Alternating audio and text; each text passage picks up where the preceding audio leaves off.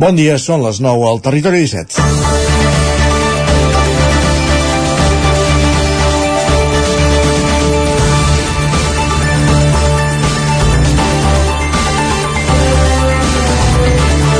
La creació de la comarca del Lluçanès va cremant etapes a la, a la velocitat totalment oposada respecte a la dels darrers 8 anys.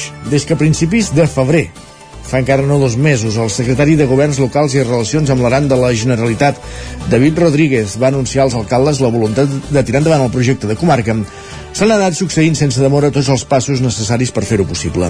Només hi ha hagut un canvi respecte al guió expressat aquell 9 de febrer, que és esperar les eleccions de 2027 per constituir el Consell Comarcal i caminar-hi fins aleshores a través d'una mancomunitat de municipis.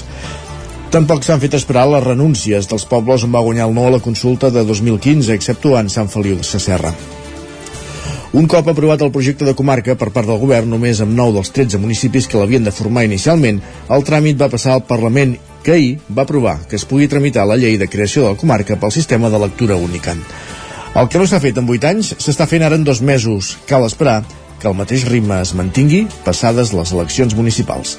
És dijous 20 d'abril de 2023, en el moment de començar el Territori 17 a la sintonia de la veu de Sant Joan, Ràdio Cardeu, Ona Codinenca, Ràdio Vic, el 9 FM, i també ens podeu veure, ja ho sabeu, a través de Twitch, YouTube, el 9 TV i la xarxa més. Territori 17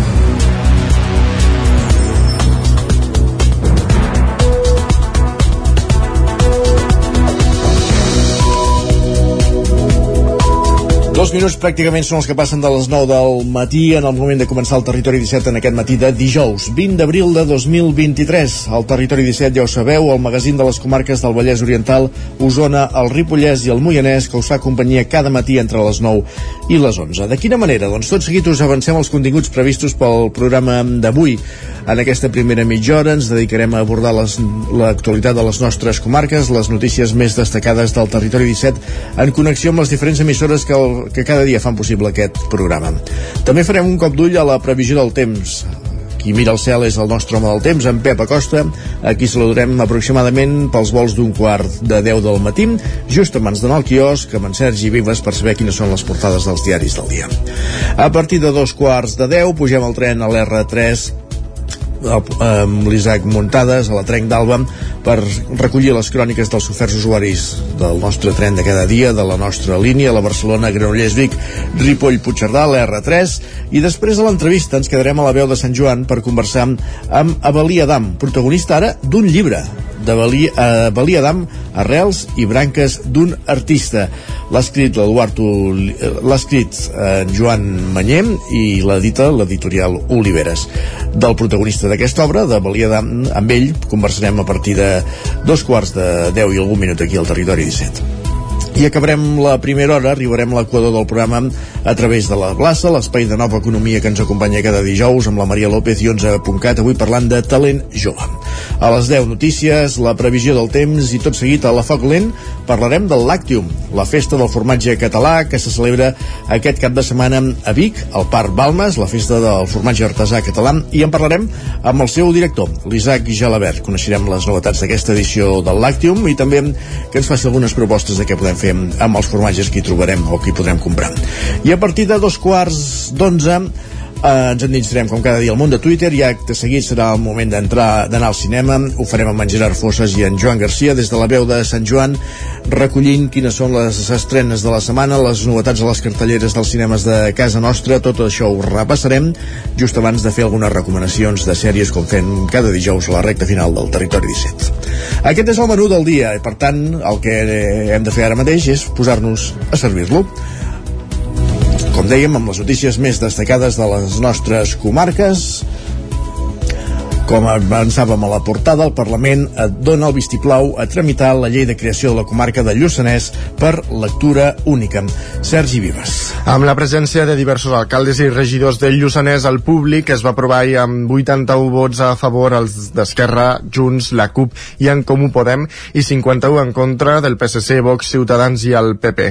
Amb el procediment de lectura única, el tràmit hauria de ser més ràpid. La consellera de la presidència, Laura Vilagrà, ha defensat que el Consell Comarcal del Lluçanès es constitueixi després de les eleccions municipals de, de, del 2027 i que fins llavors la gestió vagi a càrrec d'un nou ens, la Mancomunitat de Municipis. Aquest règim transitori, què produiria? Produiria facilitar la creació de la comarca amb el màxim nombre de municipis, intentant que els que no n'eren partidaris tinguin una via oberta i fàcil per si es volen incorporar, consolidar el sentiment de pertinença a una comarca que de fet des d'un punt de vista d'alcaldies ens han demanat doncs, que articulem un, pla, un pla pilot, nosaltres el que en diem és una comarca en xarxa d'estructura lleugera i per tant ho hem de treballar.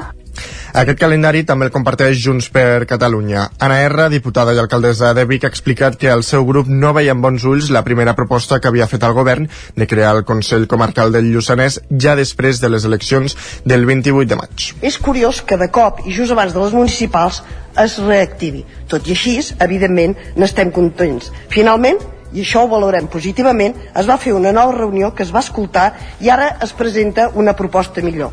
Una proposta amb una millor calendarització i sobretot molt més consensuat amb els pobles Diverses formacions han considerat electoralista la proposta del govern de reactivar ara la creació de la comarca. El grup més crític ha estat el PSC.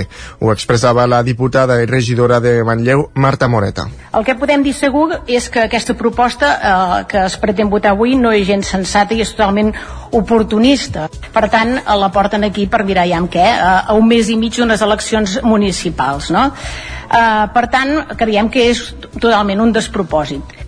La comarca del Lluçanès, que seria la que fa 43 a Catalunya, naixeria amb 9 dels 13 municipis on el 2015 es va fer la consulta que va tenir com a resultat global la victòria del sí a la comarca.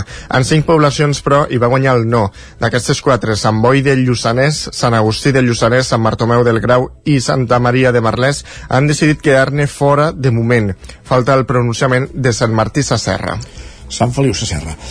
Uh, més qüestions, el 27 d'abril a partir de les 11 del matí, això és la setmana que ve, s'enviarà un missatge de prova del sistema d'alertes massives de protecció civil a tots els mòbils intel·ligents que es trobin a la vegueria de la Catalunya Central i Girona. Aquesta és la tercera prova que es durà a terme a Catalunya i serveix perquè la ciutadania conegui com és el missatge, quin so fa i quina informació ofereix, ja que en cas d'emergència real s'avisarà la població a través d'aquest canal. El missatge arribarà a tots els smartphones encara que el dispositiu estigui usant una aplicació, s'estiguin realitzant trucades o estigui en silenci. En parla la subdirectora general de Protecció Civil, Imma Soler. El sistema aquest va per una línia que per poca cobertura que hi hagi l'intenta enviar. Vull dir que és possible que estiguem en zones que quasi bé no tinguem eh, per, cobertura per fer una trucada o cobertura per rebre un WhatsApp, però que, que el missatge aquest ens arribi. Vull dir que té que ser que la zona sigui de molt, molt, molt pobra cobertura perquè no arribi. Per poqueta que n'hi hagi, el sistema l'intenta enviar. Aquest sistema és un canal molt útil que permet arribar a tota o a gran part de la població i que es complementarà amb els altres canals. Marta Casanyes, la directora general de Protecció Civil de la Generalitat. Doncs l'administració, la Direcció General de Protecció Civil, donarà una indicació molt concreta a les persones que estan ubicades properes a l'emergència en les quals els direm què és allò que ha de fer. Per tant, és una eina que dona una informació molt rellevant a les persones que puguin estar afectades per aquesta emergència i per tant eh, és un canal d'informació que entenem molt útil. Les alertes es rebran de forma automàtica amb els mòbils d'última generació. En canvi, els, els telèfons intel·ligents més vells s'haurà d'activar de forma manual. El dia de la prova es demana que les persones llegeixin en calma el text i que un cop cliquin d'acord tant el missatge com el so desapareixeran. Un cop enviat el missatge d'alerta rebrà una enquesta que serveix a les administracions per fer una valoració de la prova. L'eina ha estat desenvolupada per l'Estat i no inclou cap sistema de verificació de la recepció per part dels mòbils que es troben a la zona. Això serà el dia 27 d'abril, esperem que hi hagi més sort que el dia que ho han provat a Tarragona, que només va arribar a la meitat de la població. Ingrid Moreno serà la cap de llista d'Avancem per Sant Joan de les Abadesses sota el paraigua de Junts, amb l'objectiu de trencar el bipartidisme. Isaac Muntades, la veu de Sant Joan. Ingrid Moreno encapçalarà la candidatura d'Avancem per Sant Joan Compromís Municipal, una llista sota el paraigües de Junts per Catalunya. Feia temps que hi havia rumors que podria haver-hi una tercera llista a Sant Joan de les Abadeses acompanyant a Moviment d'Esquerres i Esquerra Republicana de Catalunya, i aquest dimecres es va confirmar oficialment socialment. Moreno, de 25 anys, és graduada en Educació Infantil i actualment treballa a l'Institut Abat Oliva de Ripoll i al Casal de Joves al Galliner de la mateixa població. A més a més, ha participat en diverses entitats del poble com els Grallers de Sant Joan, el grup de percussió Batutaga i l'agrupació de donants de sang del municipi. La candidata d'Avancem per Sant Joan afronta el repte amb molta il·lusió i creu que cal trencar les dinàmiques municipals que s'han produït els darrers anys. Fa com a mínim 8 anys que hem entrat en una espiral de crítiques constants i això ha generat una mica de tensió pel poble en tots els àmbits i una pèrdua de temps constant, ja que els partits actuals s'estan passant més temps discutint-se que no pas treballant pel poble. Llavors creiem que, que feia falta crear una tercera opció, intentar aportar serenor, treball en equip, diàleg, pau, intentar treballar més, escoltar més i discutir menys, vaja, en definitiva, consensuar, pactar i sumar. Moreno també va assenyalar quins són els principals eixos en què cal insistir el pròxim mandat. El que volem fer és sobretot incidir en, en el que és la joventut, que, que segurament és un, un dels plats forts, per dir-ho d'alguna manera, ja que creiem que, bueno, de, que al final és, és el futur del poble i s'ha d'apostar bastant pel, pel jovent i per cobrir les necessitats que tenen. Llavors sí que aquí també hi va lligat tot el sector feina i les, les opcions laborals que hi pugui haver al poble, l'habitatge sobretot, la cultura i després la sostenibilitat. Moreno va insistir que cal escoltar el poble i consensuar les decisions. Aquests darrers quatre anys a Sant Joan ha governat més amb una majoria absoluta de 6 regidors per 5 d'Esquerra. L'última vegada que va haver-hi més de dues llistes que van concórrer a les eleccions va ser l'any 2015. Llavors n'hi van concórrer 5 i Convergència i Unió, que podria ser l'equivalent de la nova llista tot i que amb molts matisos i diferències, va obtenir un regidor amb 280 vots. Més qüestions, ens centrem ara en com passaran les eleccions municipals a Olost. De fet, no hi ha massa secret perquè només hi concorrerà una llista, la d'independents per Olost i Santa Creu, que deixa d'anar associada a Esquerra Republicana i ho farà amb els independents d'Osona, Sergi. L'encapçalarà per primera vegada Gil Salvans, regidor des de 2011 i que els darrers quatre anys ha exercit com a primer tinent d'alcalde. La transició energètica serà un punt important al proper mandat i el gran projecte serà l'adequació de Cal Argimon, una finca de 7.000 metres quadrats al centre del poble pot canviar la realitat de, de, del centre del municipi. Eh? Estem parlant de temes d'aparcaments, eh, zones eh, accessibles amb cotxes, amb no cotxes, un, segurament eh, poder equipar un nou equipament al municipi, eh, zones eh, de parcs, eh, és tota una finca nova, doncs se'ns ha obert un nou projecte per desenvolupar el centre del poble i crec que això pot dinamitzar i donar nova, nova vida al, al nucli. D'aquesta manera, Salvans agafarà el relleu a l'històric alcalde Josep Maria Freixanet, que ha estat al capdavant els darrers 20 anys. Més qüestions. Junts per Catalunya, la formació que ha tingut l'alcaldia de Montesquieu durant gairebé dos anys i aquest mandat i que ha format i, i que ha facilitat la governabilitat en els últims exercicis, no concorrerà a les eleccions del 28 de maig, Sergi. La formació va entrar al govern el febrer del 2020 després d'un pacte amb Som Montesquieu, una llista associada a la CUP, amb qui van pactar mm, quan va plegar el govern republicà, que havia estat en minoria 8 mesos. Des de la formació no han trobat suficients persones per tirar endavant el projecte i tampoc tampoc se sumaran a Som Montesquieu, amb qui van plantejar un pla de govern fins al 2027. Jaume Romeu. Al passar de 1.000 habitants passem de 7 regidors a 9 regidors i a més a més hem de tenir com a mínim un o dos suplents i això no, ha, no ha estat possible i els vam dir doncs de que nosaltres doncs, no, en aquest cas no continuaríem deixàvem la, la política municipal temporalment, què vull dir temporalment? Vol dir que estarem a darrere, estarem eh, viran doncs, com, com van treballant els diferents eh, grups polítics que hi haguin i a partir d'aquí doncs, veurem d'aquí 4 anys què fem. Romeu portava 8 anys de regidor en què també ha estat tinent d'alcaldia i alcalde. Doncs veurem dilluns a les 12 de la nit com es resolen totes aquestes situacions, quines són les llistes que finalment es presenten, tenint en compte, per exemple, que Montesquieu també s'havia anunciat que Esquerra Republicana no faria llista, per tant només hi hauria l'associada a la CUP, però podria ser que aquest extrem a última hora tombi i que hi acabi havent dues llistes. Com dèiem, el termini per presentar candidatures acaba dilluns a les 12 de la nit i serà quan s'esveiran totes les incògnites.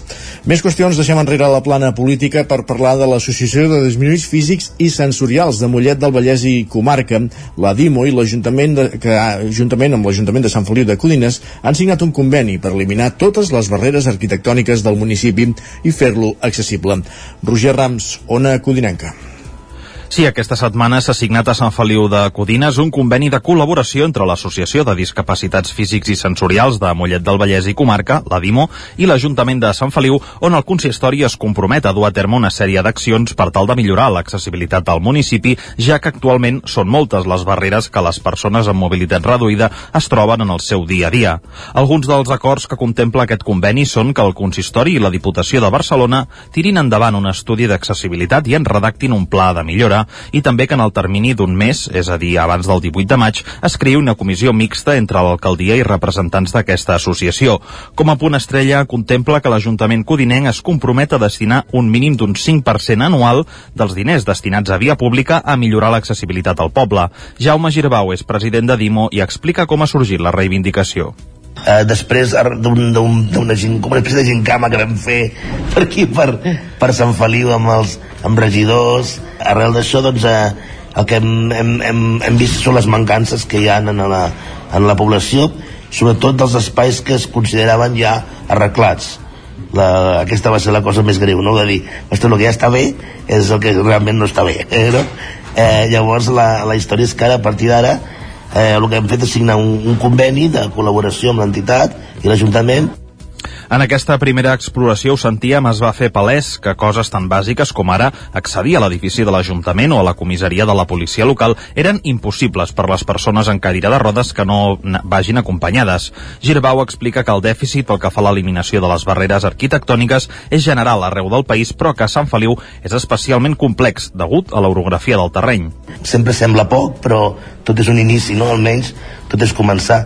Partim de que no hi havia res. Llavors, tot, si, si mirem aquesta premissa de, de, de res o això, doncs és molt millor. El que passa que, bueno, clar, mm, portem molts anys de dèficit històric eh, en totes les poblacions, ja no només Sant Feliu, de que ja va, ja, el temps d'adaptacions legals ja va acabar fa molts anys i tot això ja hauria d'estar solucionat. El que passa que bé, mm, també Sant Feliu té una, una orografia també complicada, complexa i es comprèn que no és tan fàcil, millor com poblacions que són més planes. Aquest conveni va ser aprovat pel ple municipal el passat mes de febrer i marca com a data límit l'any 2035 per suprimir totes les barreres arquitectòniques a Sant Feliu de Codines. I un últim punt cultural, Sergi, perquè el Festival Protesta ha decidit aturar durant un any la seva activitat. És per això que aquest 2023 el Festival de Cinema Independent que es fa a Vic no es farà. En un comunicat de premsa, l'organització explica que després de 10 anys d'activitat han decidit parar màquines per reequilibrar els objectius i repensar el certamen de cinema de crítica social. Una pausa que, diuen, els servirà també per posar la vida al centre, maternar, agafar forces i veure des de la distància quin festival volen i poden fer.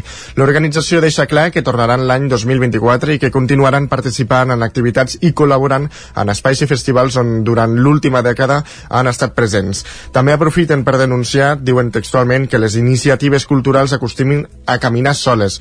Aquest patró, diuen, acaba tenint un cost per a les persones que l'impulsen. Des del seu inici, el Festival Protesta hi han passat gairebé 20.000 persones. S'hi han projectat més de 250 treballs entre curtmetratges i llargmetratges i s'han programat una setantena d'activitats. Doncs acabem aquí aquest repàs informatiu que començava amb el punt de les 9 en companyia de Sergi Vives, Isaac Muntades, Pol Grau i Roger Rams. És moment al territori 17 de saludar el nostre home del temps, en Pep Acosta.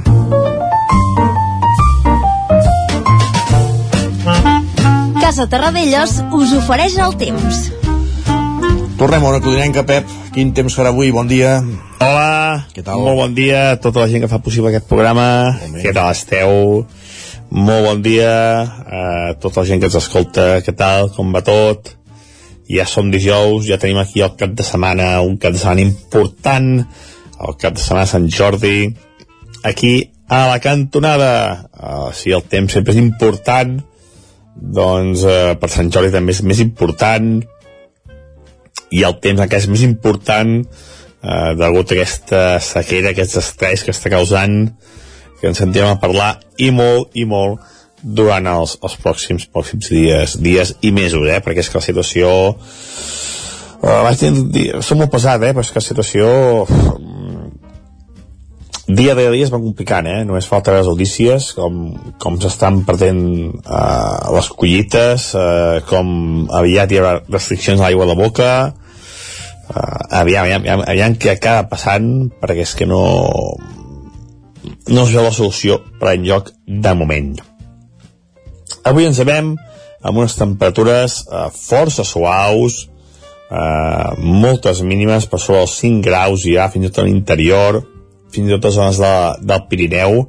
Per sobre d'aquests 5 graus una nit força suau no ha baixat gaire el termòmetre. Només petites glaçades a molt alta muntanya al matí serà un dia eh, mig ennuvolat, hi haurà hagut núvol, eh, un núvol prim, eh, poca cosa, i avui a la tarda hi ha una mica més d'inestabilitat. Hi ha una petita entrada d'aire fred, i això farà que les nuvolades creixin amb més força, a més llocs i amb més potència.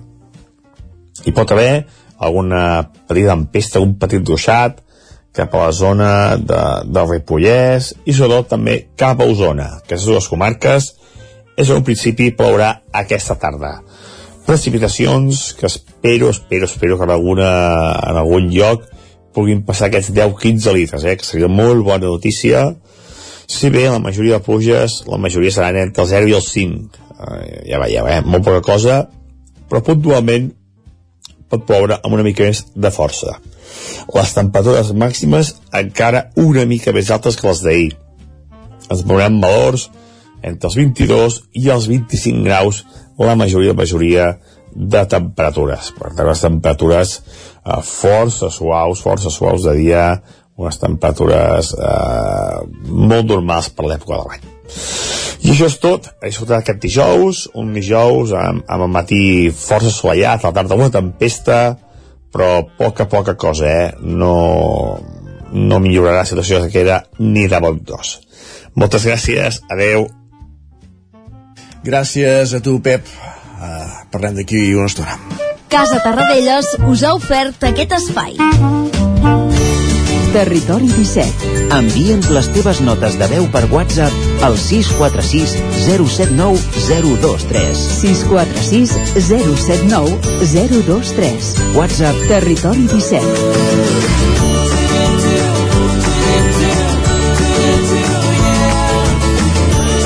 Territori 17. Som a Facebook, Twitter i Instagram amb l'usuari Territori 17.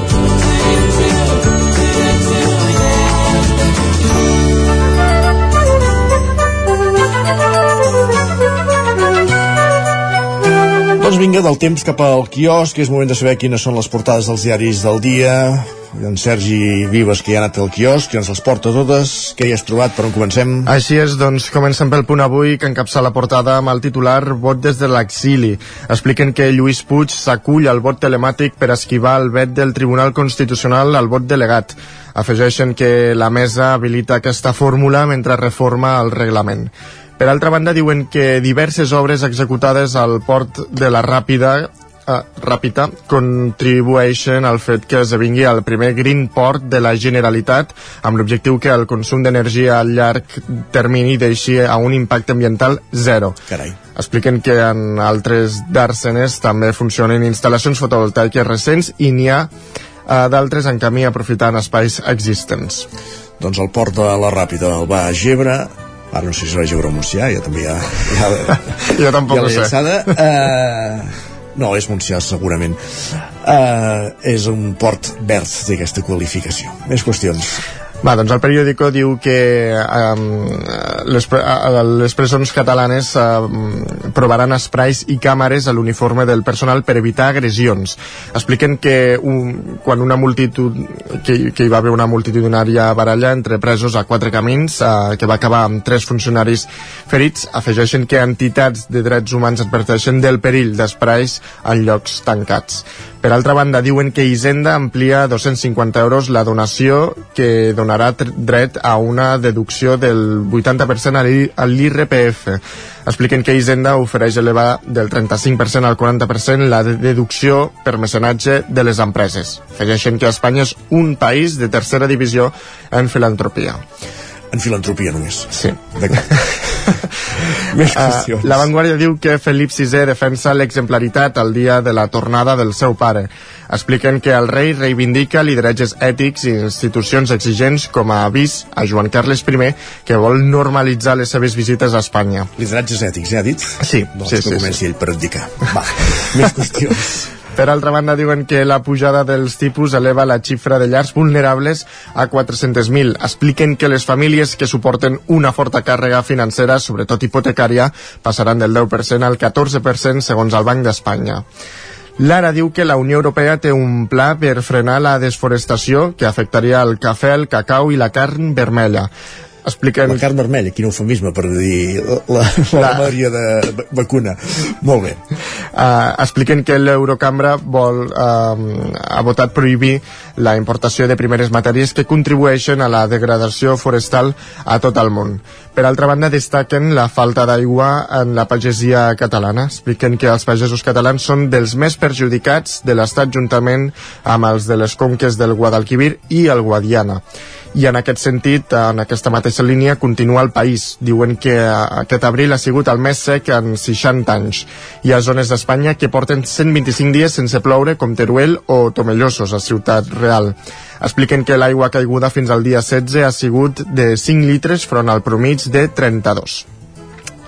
L'ABC diu que Sánchez tira de fons europeus per fer campanya i oferir altres eh, 43.000 pisos. Expliquen que després del fracàs de la Sareb utilitza el Congrés per anunciar més habitatges socials i els grups l'acusen de convertir el ple en un míting. El Mundo, de fet, eh, diu que Sánchez tracta de frenar amb l'habitatge la sangria de vot jove al PP. Expliquen que els populars han guanyat mig milió d'electors menors de 35 anys i es queden amb, defra... es queden amb defraudats del Vox, eh, Ciutadans i Podem. La... Això, això en tot cas ho diran les urnes, però vaja, sí. Sí, sí, clar. Eh, Però aquests ja ho donen per... Per fet, sí, sí, sí, clar.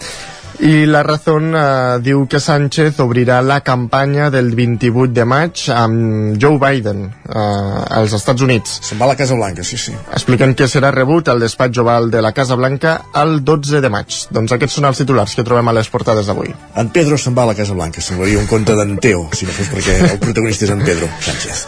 Va, 20 minuts per repassar titulars dels digitals de les edicions del Vallès Oriental i Osona i el Ripollès del 99.cat. Per on comencem? Doncs per al d'Osona eh, i el Ripollès eh, ens expliquen que un dron localitza els nius de gavians a les teulades de Vic, una notícia que us explicarem A partir de les 10. Uh -huh. I a l'edició del Vallès Oriental? Doncs que les rampes mecàniques de la Font Verda, Granollers, registren uns 6.500 usos als dies feines. Dit això, nosaltres el que fem és una petita pausa al territori 17 i tornem de seguida amb el tren i amb l'entrevista a Baliadam. El nou FM, la ràdio de casa, al 92.8. Per moure't, lloga un cotxe ALR. Per moure la família, lloga un minibús ALR. Per moure coses, lloga una furgoneta ALR. Per moure la casa, lloga un camió ALR. Lloguer de cotxes, furgonetes i camions ALR. Ens trobaràs al carrer Francesc Sant Climent 83 de Vic i també a Olot i Manresa. Informa't en el 93 888 60 57 o bé consulta el web alr.cat. El 23 d'abril és Sant Jordi, el dia del llibre. Com m'agrada aquesta festa. Aniré a la llibreria Mater de Vic uns dies abans per escollir els llibres que vull regalar. A la Mater tenen varietat i bona selecció de llibres. Demanaré que m'emboliquin una de les noves novel·les i un llibre de cuina. I potser un d'esport i de natura. I no em puc oblidar de buscar uns contes a la secció infantil. Quina il·lusió! Ja puc veure els seus somriures quan obrin els regals. Llibreria Mater, al carrer Pla de Balanyà 23 de Vic. La meva llibreria per Sant Jordi i tot l'any.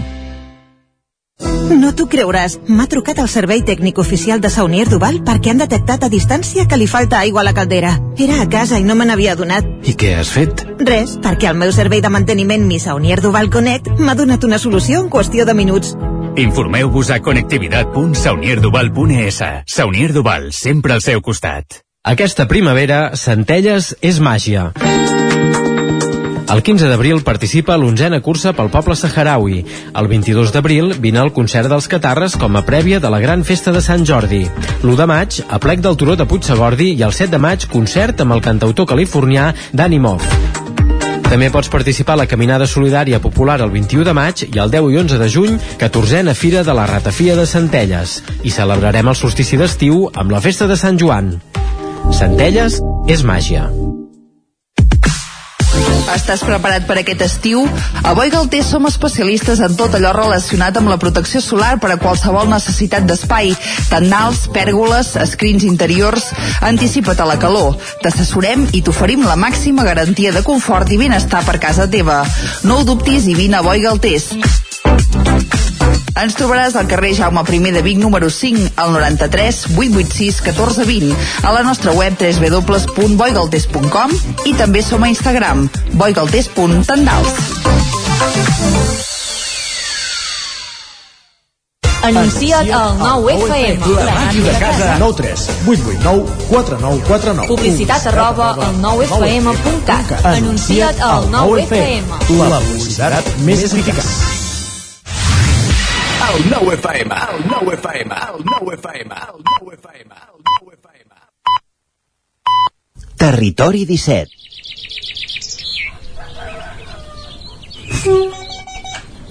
A Tren d'Alba. Cada dia els usuaris i usuàries de la línia R3 de Rodalies que veuen sortir el sol des d'un vagó ens expliquen les gràcies i les penes del primer comboi que uneix Ripoll i Barcelona o les feixugues jornades amb el tren després de treballar. Benvinguts a Tren d'Alba. Si ahir us explicàvem que l'Arnau Urgell havia anat fins a Barcelona amb uns seients dels antics que són durs com pedres per un viatge de dues hores en què la comoditat és important per no arribar amb l'esquena feta un nyap, doncs resulta que dues tasses per ell, perquè quan tornava a la nit li va tocar una tortura vespertina, ja que el que anomena Talguillo, com una diversió deformada del tren bala que cobreix el trajecte de l'Hospitalet de Llobregat i Puigcerdà, anava un altre cop amb els seients durs, i a més a més amb un retard considerable. També és estrany que la gent de Renfe vegi aquestes piulades i no faci absolutament res per solucionar-ho. No els hi costaria res, però en fi, va, ens retrobem dilluns amb més històries del tren i de la R3. Territori 17, el 9 FM, la veu de Sant Joan, Ona Codinenca, Ràdio Cardedeu, Territori 17. Un minut que passa de dos quarts de 10 del matí.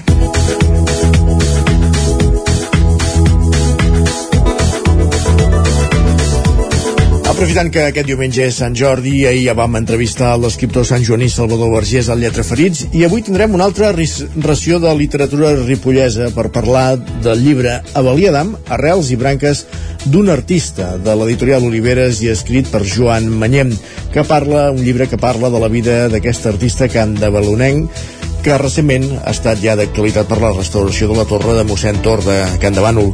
Abans que res, saludem primer de tot l'Isaac Muntades, que és els estudis de la veu de Sant Joan amb la Valiadam. Isaac, benvingut, bon dia. Bon dia, Isaac. Doncs sí, i com deies, avui a l'estudi de, de la veu de Sant Joan tenim el protagonista del llibre. Normalment ja sabeu que hi tenim l'autor, en aquest cas no, tenim el protagonista, el farem una mica diferent. Moltes gràcies per acompanyar-nos a Balí, que no és pas la primera vegada que vens aquí a la veu de, de Sant Joan, eh? Ja t'hi sents com a casa, eh? Home, bon dia, Isaac. Eh, gràcies per convidar-me aquí a la veu, eh? la veu de Sant Joan eh? vull dir, estic molt content doncs, que em doneu aquesta confiança per venir doncs, a explicar doncs, ho bé fer una mica de granet de sorra doncs, del tema eh? anem a parlar-ne perquè eh, primer de tot, eh, aquest llibre ja s'ha presentat, ja s'ha presentat oficialment, es va fer aquest dissabte passat a, a la Torre de mossèn Tor i va ser un èxit eh, rotund es nota que realment eh, el poble en té, et té en estima perquè hi va anar molta gent no sé si t'has també plantejat portar-lo en un altre lloc de la comarca i com va anar aquesta presentació? Bueno, a portar-lo, sí home, eh, vull dir, el farem córrer una mica, no? Perquè ara, vull dir, nada menys avui em diran a veure el dia exacte, doncs que em confirmaran exposar-ho a la biblioteca de Vic de Pilarín Vallès. Uh, el 26 de maig ja el tenim adjudicat per, per fer la presentació a la biblioteca de Ripoll eh? i llavors es presentarà Olot, es presentarà Banyoles, es presentarà un monestir de, de, de, de Figueres, eh? que també em fa molta il·lusió. Vull dir, en diferents llocs, no?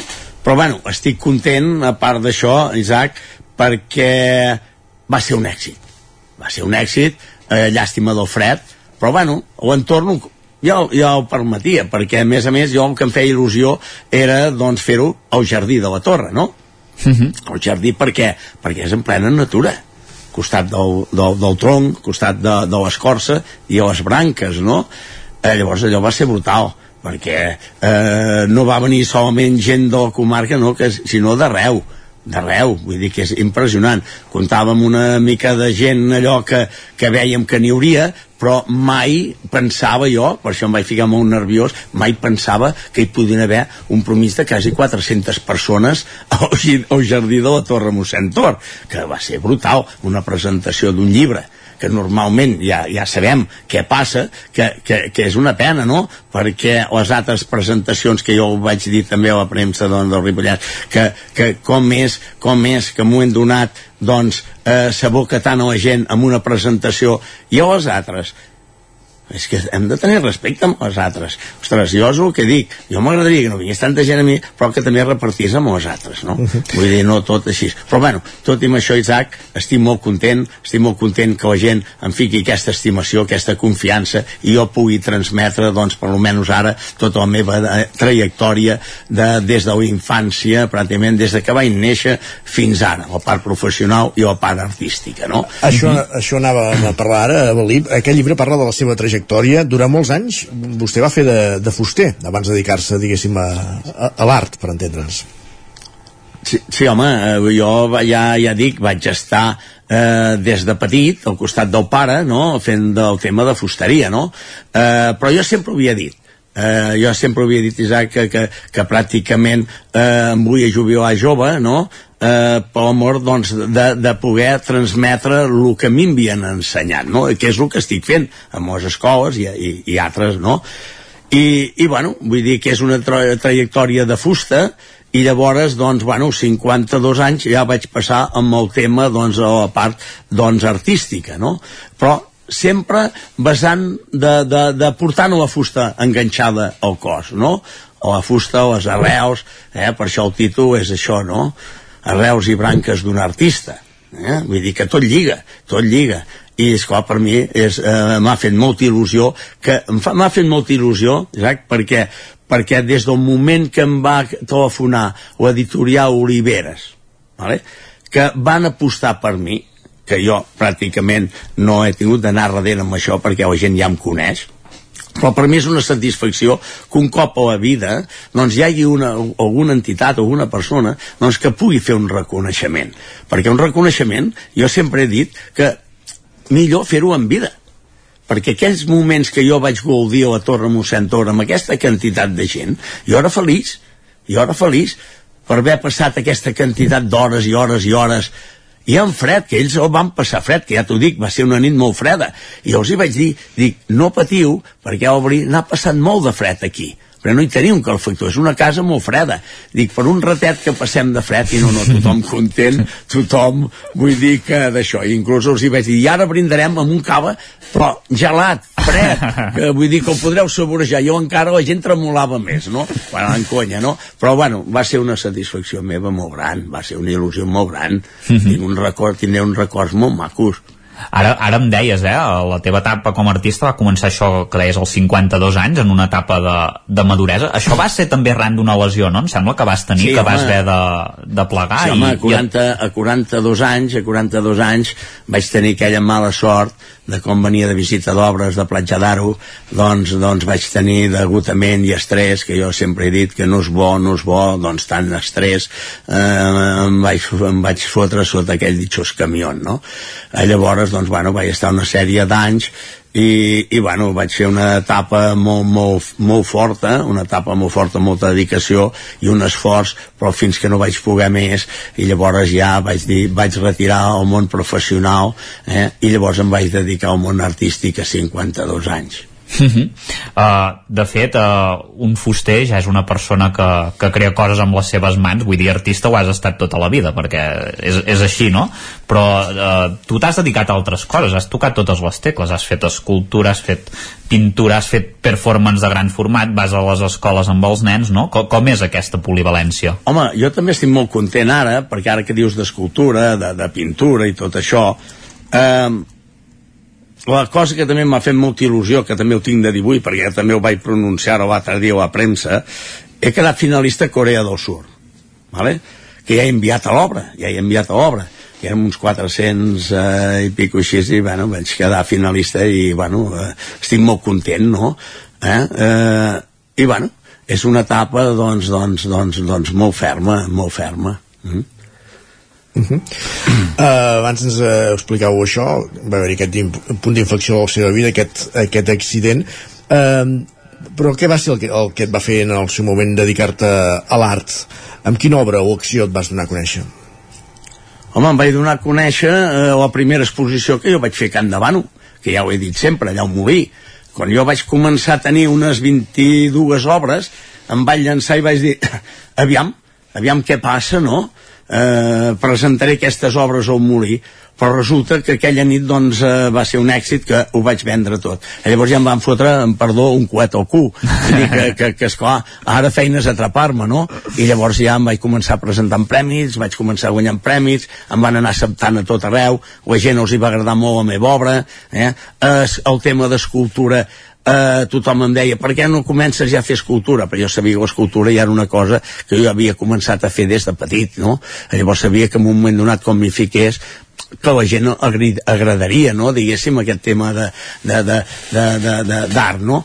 Però, però bueno, eh, vaig començar a tirar doncs en pintura eh? i llavors ja em van anar acceptant llavors sí, em vaig ficar doncs amb escultura i ara entro en molts llocs per escultura eh? vull dir, però bueno ara eh, aparcaré una mica la pintura però em dedicaré més a fer escultura una mica petita que és el que m'està dient tothom eh? és on m'està dient tothom de fer doncs tema petit que siguin com joies, no? Mm -hmm. Com joies perquè, és clar, fer la peça grossa, primer de tot, surt molt car, el tema de transport és molt car i llavors doncs, doncs inclús per remenar-les també és un pes molt elevat eh, llavors doncs hem d'anar per cosa petita cosa molt molt molt curiosa molt maca eh? I bueno, ja veurem a veure què passa uh -huh. Quines uh, dues o tres obres destacaries de la, de la teva vida, Balí, que hagin set així importants? N'has parlat d'algunes, eh? a part d'aquestes que has parlat i de la Torre de mossèn Torre bueno, que, en parlarem, aquesta... que en parlarem ara sí. Al, algun altre que destacaries? Sí, bueno, eh, les obres que jo fermes doncs, que he fet és una instal·lació que vaig fer a Vic eh, amb, amb un sostre eh, eh, su, allò, su, allò eh, suspès, no? Vull dir que va ser brutal allà a l'esclat i llavors vaig fer lo dels arbres va ser una instal·lació molt ferma, ja ho saps tu sí. a Can Davano, que allà hi vaig tenir 500 persones al meu costat eh? Vull dir, tant als col·legis com a, a, a l'escola de, de la llar d'infants com a, a, a, a la residència de, de, de gent gran, no? Que tothom al costat doncs, va poder fer això, no? I, i bueno, eh, vull dir que també doncs, he fet altres activitats molt sèries, però les que destaquen és el que he fet al meu poble i a Vic, no? Uh -huh. Com a Vic, doncs, també tinc una escultura en una plaça a Vic, eh? -huh. al mhm. costat de, del Sucre, eh? allà on hi ha el riu Meder, el pont aquell romànic, doncs allà també tinc una escultura de formigó. Eh? Un rato sí. passeu, ho veureu. Tinc la, la meva firma impregnada eh? l'escultura. Ara apuntava l'Isaac també, però eh, tot això també va acompanyat de la restauració de la Torre de Mossèn Tor a Can de Bànol també. Què ha suposat això i en què s'ha convertit aquest espai? Bueno, aquest espai de la Torre, mossèn Tor, bueno, ja ho esteu veient, no?, tota la publicitat i tot el que arribo a fer, no?, un, un centre cultural, un centre cultural que ja hi entra en tema, doncs, ara, el bon temps que saboregem el jardí, doncs tot es converteix en concerts, en concerts. Llavors l'espai de dins tot és en tema doncs d'escultura, eh, presentacions de llibre, pintura, eh? cada mes i mig canviem doncs, d'activitat i d'artistes però bueno, eh, artistes de tot arreu eh? vull dir que aquí tenen doncs l'entrada doncs eh, el que sigui, eh? Vull dir, tant m'ho diguin amb temps, doncs, doncs també serà un centre per anar acollint artistes, no? I bueno, eh, eh, també és el que et dic, llavors per Nadal no en parlem, per Nadal tota la quantitat de pessebres que s'hi fiquen, no?, d'arreu uh -huh. de mhm. Catalunya, que això és molt important, també estic molt content, doncs, la quantitat de gent de la comarca que, que ha passat, perquè aquest any han passat 4.600 i pico de persones els dies de Nadal, eh? Uh -huh. Vull dir, en, en, en cinc setmanes. I això és brutal Sí, déu nhi recordem que s'hi van exposant, em sembla que eren més d'una 160 de, de pessebres, Sí, sí, de, home, que, que era sí, sí, una, 160 una quantitat important. Et volia comentar, Valí, per anar acabant, eh, la Torre Mossèn Tor, ara ho comentes, eh, té un, és un espai molt important, té un pol, és un pol d'atracció de la cultura de la comarca, pot ser, es pot convertir en l'espai cultural més important de la comarca i potser ja no tant de la comarca, eh, sinó fins i tot eh, traspassant els límits. No, home, no, hem de tenir respecte a molts de més. A Can Davant és un centre cultural com a tot arreu. Pot ser, eh, n'hi ha que agrada, n'hi ha que no agrada tant, però és que aquí tampoc us podeu queixar aquí Sant Joan amb el Palau de l'Abadia. Mhm. Palau de l'Abadia, jo per mi a la comarca, per mi, per mi a la comarca és el número 1. Per què? Perquè, doncs, eh, té, té, té, té, té eh, una història, eh? com, com la Torre Mossèn Tor, lògicament, no? Però eh, doncs es va crear abans, vull dir que, que es té de respectar. El Palau de l'Abadia m'encanta, eh? Jo espero que algun dia doncs, se'm doni opció de poder doncs, plasmar una mica, ja et, di- ja et parlo particularment de la meva obra, no? una part, eh? Eh, però vull dir que podeu estar comptant aquí a Sant Joan doncs, també el que teniu, la riquesa que teniu, no? Avalí Adam, eh, artista i ara també protagonista, que no autor, sinó protagonista d'un llibre, Avalí Adam, Arrels i branques d'un artista, editat per l'editorial Oliveres, escrit per Joan Manyer i que també, eh, evidentment, és una de les obres que es pot comprar aquest diumenge coincidint amb Sant Jordi. Gràcies per acompanyar-nos una vegada més aquí al Territori 17 i sort i encerts amb tots aquests projectes que sempre porteu entre mans. Moltes gràcies, Isaac. Gràcies per tornar a sentir, vale? Bon dia. Fins ara. Fins ara. I gràcies també, Isaac, per acompanyar-nos un matí més. Adéu, bon dia. bon dia. Moltes gràcies. Avancem al territori 17, ara que són tres quarts de 10 del matí i anirem fins a Ràdio Televisió Cardedeu, allà ens hi espera ja un dia més la Maria López per anar cap a la plaça.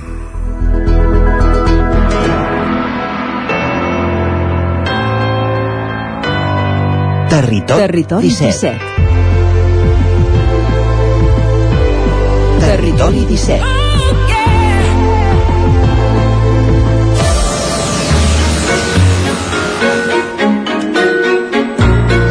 La plaça, ja ho sabeu, és l'espai de nova economia que, com dèiem, ens acosta cada setmana la Maria López en companyia d'11.cat i avui el que volen fer és abordar, continuar un tema que ja vam tractar dies enrere, setmanes enrere a la plaça, que és el talent entre els més joves, el talent jove, i que, com dèiem, té una segona part, una continuïtat avui en aquest mateix espai de nova economia. Sense més, Ràdio Televisió Cardedeu, Maria López, benvinguda una setmana més, bon dia. Bon dia i benvinguts un dijous més aquí a la plaça, aquest espai de trobada terrenal on intentem comprendre l'economia i tendències de la societat actual. I avui volem parlar d'inversions, però d'un altre tipus d'inversions. Volem parlar d'invertir en talent jove, o millor dit, d'invertir en noves idees. I per fer-ho, avui contem amb en David Andrés, que es va donar a conèixer per guanyar l'Audi Creativity Challenge, una iniciativa de l'empresa Audi, que és com una mena de competició, precisament per invertir en idees innovadores de joves talents. Bon dia, David.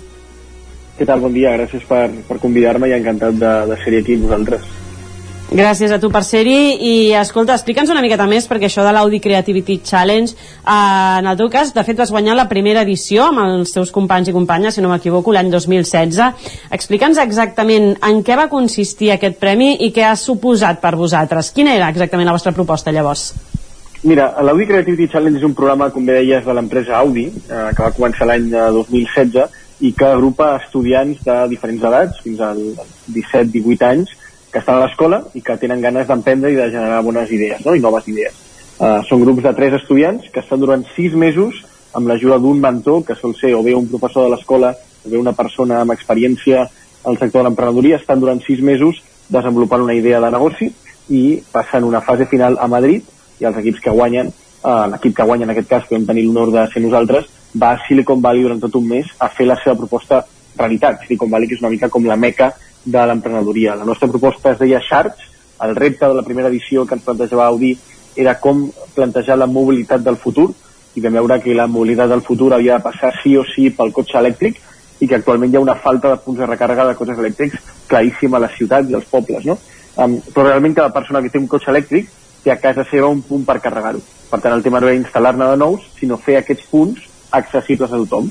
Per tant, Charge és una app que permet que conductors de vehicles elèctrics puguin reservar punts de recàrrega privats de persones a casa seva i aquestes persones que comparteixen mitjançant l'app el seu punt de recàrrega guanyen diners per això. Aquesta era la proposta en Silicon Valley i la vam fer realitat allà. Uh, tu ara ets molt jove, tens uns 23 anys, si no m'equivoco. Uh, en aquell moment que teníeu 7, 15, 16 anys, era quart d'ESO, uh, quina bogeria per gent d'aquesta edat poder anar a Silicon Valley i a més a més tirar endavant una proposta d'alguna manera desenvolupada a les aules, no?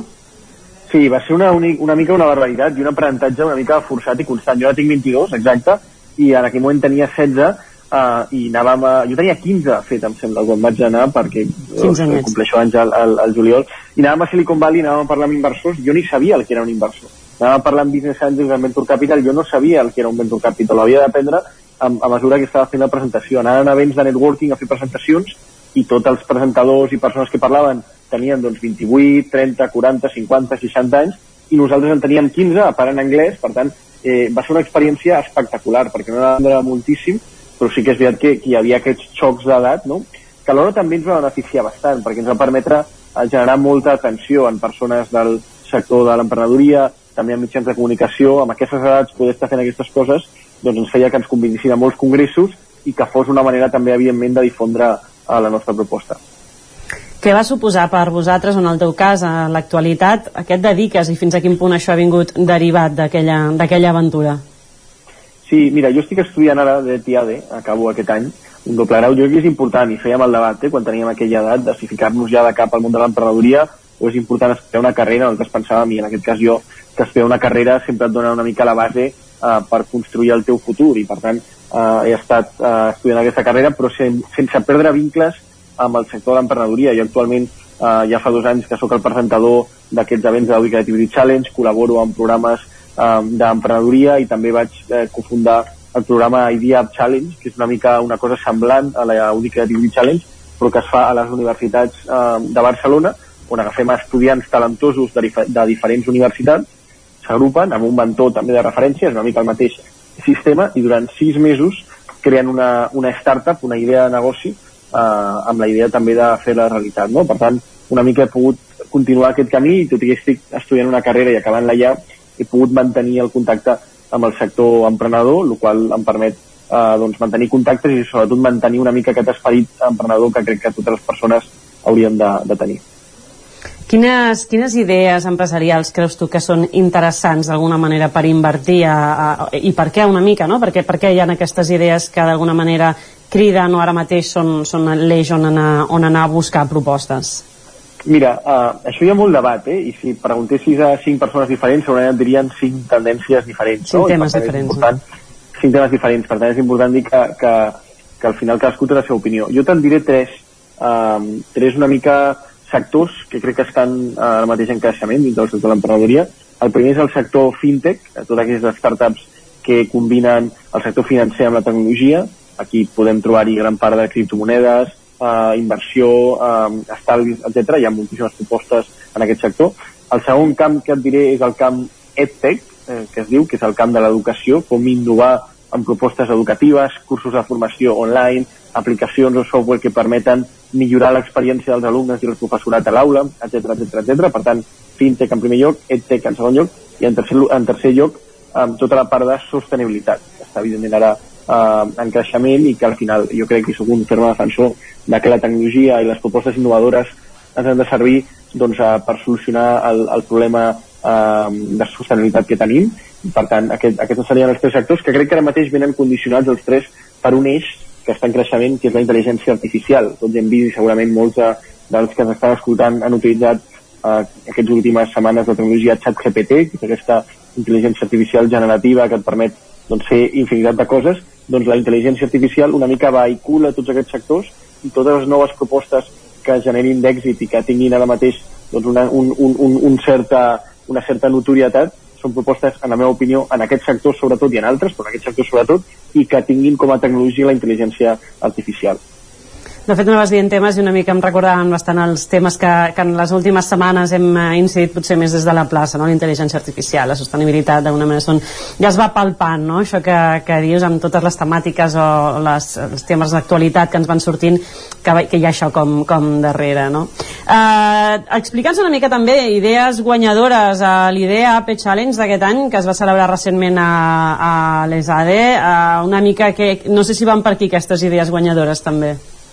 Mira, la, hi va haver una idea que em va agradar molt, que no va guanyar, però que sí que m'agradaria uh, comentar-la, que de fet la comentaré si em permets el broma, perquè és una idea que va generar el meu germà, que va participar aquest any, em va fer molta il·lusió que el meu germà participés en una cosa que jo havia creat fa, fa un parell o tres d'anys, um, que és una idea que permetia que les persones poguessin aconseguir descomptes als supermercats a canvi de fer un consum més sostenible i a, i a canvi de fer un consum més conscient. Per tant, això va una mica en la línia de la sostenibilitat. La idea que va guanyar eh, fa dos anys a la primera edició i també m'agradaria comentar-la és una idea que es diu Dana, encara existeix de fet, que és una idea eh, que és una aplicació eh, per la salut de les dones no? i és una aplicació que permet a les dones traquejar i continuar i, i accedir a, informació i, i específica no? i una mica un, un traquejament de, de, de la seva salut um, i aquesta és una proposta que va tenir bastant d'èxit, va rebre inversió i encara està en funcionament.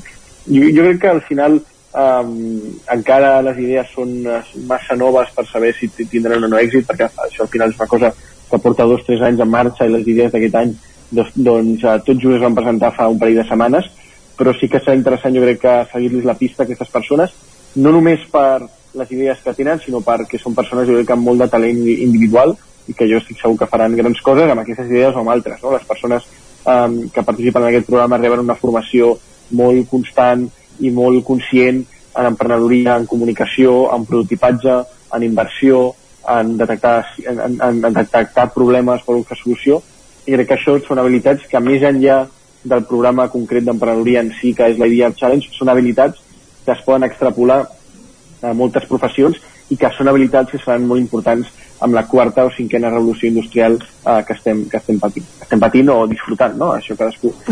cadascú veu com, Ara, per exemple, ens parlaves d'aquest projecte d'Anna que, fa, que va guanyar fa dos anys. Eh, comentaves que hi havia hagut una inversió per tirar endavant aquest projecte. Eh, quan neixen idees d'aquest tipus, perquè suposo que moltes es presenten amb la idea de que algú pugui dir doncs posem els diners sobre la taula i ho tirem endavant, però deuen haver moltes altres bones idees que potser no guanyen un premi però la gent les vol tirar endavant. De, quan, de quina inversió parlem? No? Per exemple, doncs, ens explicaves el cas de la proposta que havia presentat el, el teu germà aquest any. No? Si no troba un inversor i algú vol fer-ho pel seu compte, quants, de diner, quants, quants diners s'ha de deixar per tirar endavant una proposta d'aquest tipus?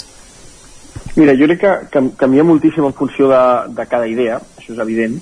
Uh, la llei de societat de capital, això sabem tots, requereix un mínim de 3.000 euros, però amb 3.000 euros sovint no vas, no vas enlloc jo crec que depèn, depèn eh, moltíssim de cada cas. El que és important és eh, fer primer, si no trobes inversor, el que en anglès anomenen les 3 Fs, Family, Friends and Fools, no? La família, els amics i, el, i algun despistat que, que, que et deixi diners per allà, no? Això és el primer. Però sobretot eh, després anar a buscar business angels o inversors. És important que els inversors que busquin les persones que volen generar una idea no siguin inversors que simplement deixen els diners i marxen, sinó que siguin el que es diu uh, smart money, és a dir, persones que tenen coneixement del sector i que per tant no només deixen els diners i marxen i esperen un, un, un, no, un retorn de, de la seva inversió, sinó que deixen els diners i com dominen el sector i tenen contactes, t'ajudaran i estaran amb tu per donar-te els contactes i les eines i el mentoratge que necessites. Per tant, és important que busquin aquests mentors per donar-te una xifra aproximada, eh, que era una mica el que em preguntaves, uh, moltes um, startups en una ronda pre-seed, una ronda pre-seed, que és la primera ronda que es fa, moltes vegades podríem estar parlant, per exemple, una startup amb, amb, amb relatives expectatives de creixement, uns 100.000 euros a canvi d'un 15% de l'empresa. Això podria ser una, una, una dada més o menys genèrica i al final semblarà molt, però moltes de les idees de negoci que surten actualment són idees que tenen vocació de lideratge. És a dir, eh, uh mhm. -huh. entren en mercats molt competitius i si no lideren acabaran morint. Per tant, o tens molta inversió, el qual et permet apostar per intentar liderar aquest mercat, o no podràs liderar aquest mercat, i si no el lideres, el més probable és que l'empresa no continuï Acabarà. a Uh -huh. uh, ara ja des de, la teva, des de la teva expertesa i tenint en compte que segurament hi ha molts uh, i moltes joves que tenen grans idees però no saben molt bé què fer-la, potser li treuen importància precisament per l'edat que tenen i no s'atreveixen quasi ni a exposar-les uh, i ja per tancar la plaça d'avui, no sé quin consell els hi podries donar a tot aquest sector més jove i, i, i revolucionari en aquest sentit? Mira, te'n donaré dos. El primer, el que estaves comentant, uh, que al final les idees s'han de compartir. És a dir, si penses que tens una idea tan, tan bona que ningú més al món l'ha tingut, estàs equivocat al món hi ha milers i milions de persones pensant idees constantment. La idea que tens la té una altra persona a l'altra punta del món o a l'altra punta inclús de la teva ciutat. Per tant, encara que, que, que, que no l'expliquis a ningú, hi ha una altra persona que l'estàs desenvolupant. Per tant, hauràs d'acabar competint amb aquesta altra persona. Per tant, sempre és millor explicar-la per rebre feedback. Jo sempre explico que a Silicon Valley, quan estàvem amb Sharks, explicàvem les idees a tothom. Tam també, per exemple, a la persona, al, al caixer del supermercat. Me'n recordo que va explicar la idea quan estàvem comprant i ens va donar un feedback sobre com funcionaven els supermercats els punts de recàrrega que ens va servir molt per la nostra idea. No? Per tant, primer, primer consell, compartir la idea amb tothom i segon consell, i acabo amb això, la idea no és tan important, el més important és l'equip. La idea sempre es pot canviar, però les relacions humanes, com treballes i aquí esculls, i sobretot que siguin equips multidisciplinars, és una cosa que segurament serà molt més difícil de canviar i serà molt més determinant en l'èxit de la idea i serà molt més valorat pels inversors a l'hora d'invertir en la idea. Per tant, explicar les idees i buscar un bon equip serien els dos, els dos consells. David Andrés, eh, moltíssimes gràcies per acompanyar-nos avui a la plaça, per aquests consells que esperem que arribin també a través de les zones de la ràdio a, als joves, al sector més jove que tingui totes aquestes idees revolucionàries que ens puguin fer avançar una mica més a, cap a una societat més innovadora i, i molt més, amb molt més ulls de cara al futur. Moltíssimes gràcies, David. A vosaltres, gràcies. Gràcies a tu també, Maria, per acompanyar-nos un matí més a, a la plaça. Avui parlant de talent jove a partir d'aquesta experiència de David Andrés i nosaltres el que fem al Territori 17, ara que arribem al punt de les 10, com cada dia és actualitzar-nos, posar-nos al dia amb les notícies més destacades de les nostres comarques, les comarques del Vallès Oriental, Osona, el Ripollès i el Moianès, les comarques del Territori 17, les comarques des d'on fem cada dia aquest programa. I us expliquem a aquesta hora que el tinent d'alcalde de l'Ajuntament de Ripoll i president del Consell Comarcal, Joaquim Colomer, oficialitza que es presentarà a les eleccions municipals amb una llista independent. Som-hi Ripoll, es dirà. Isaac Muntades des de la veu de Sant Joan. Era un secret a veus i aquest dimecres es va confirmar que el president del Consell Comarcal, Joaquim Colomer, es presentarà a les eleccions municipals de Ripoll el pròxim 28 de maig. El qui va ser regidor de l'equip de govern fins fa menys de dos mesos i va acabar destituït dels seus càrrecs després de ser acusat de criticar els seus companys de govern a través del perfil anònim de Twitter Peter Cabró de raça ripollesa, va anunciar que es presentarà als comicis amb el nou partit independents pel Ripollès, que va constituir-se fa poques setmanes. El nom de la marca serà Somi Ripoll i la idea és presentar tota la llista de persones que l'acompanyaran la setmana vinent. Colomer va dir que la llista està conformada per gent transversal de molts sectors i de totes les edats i barris que comparteixen la idea d'estimar Ripoll i treballar pel municipi. Colomer no es posa línies vermelles per pactar amb ningú i té clar que els eixos més importants del programa electoral consisteixen a potenciar la seguretat, la neteja, l'habitatge, la salut i la feina, entre altes. El candidat de Som i Ripoll també defuig de la tutela dels partits polítics. Sempre he dit que era una persona més tecnòcrata, i jo una persona que crec moltíssim amb els tècnics i tècniques, tant de, de l'Ajuntament com del Consell General de les Administracions. Penso que hi ha gent professionalment molt bona i que ells i elles doncs, són els especialistes, els entesos amb la matèria. I aquí, amb el cantó més polític, el que hem de fer és ajudar i treballar perquè arribin recursos per fer possibles els projectes i això és el que nosaltres hauríem de fer i ens hauríem d'abocar perquè així sigui. Cal recordar que Joaquim Colomer és l'actual president del Consell Comarcal del Ripollès i governa en minoria amb el suport dels dos consellers del PSC, Enric Pérez i Xavier Guitart, la consellera no escrita Dolors Costa i el conseller de Més Ramon Roquer, després que cinc membres de Junts marxessin del govern i l'expulsessin del grup. Actualment al Ripollès ja s'han confirmat quatre llistes d'independents, a Ripoll, Can de Bànol, Planoles i Ugassa. Amb tota probabilitat n'hi haurà una a les Llosses i és possible que n'hi pugui haver també a Gombrèn i a Caralps. Gràcies, Isaac. Canviem de qüestió. El Centre Tecnològic Beta de la Universitat de Vic, el Consell Comarcal d'Osona i Creacció presenten en una jornada tècnica un model teòric de planta de biogàs ideal per la comarca d'Osona. Sergi Vives.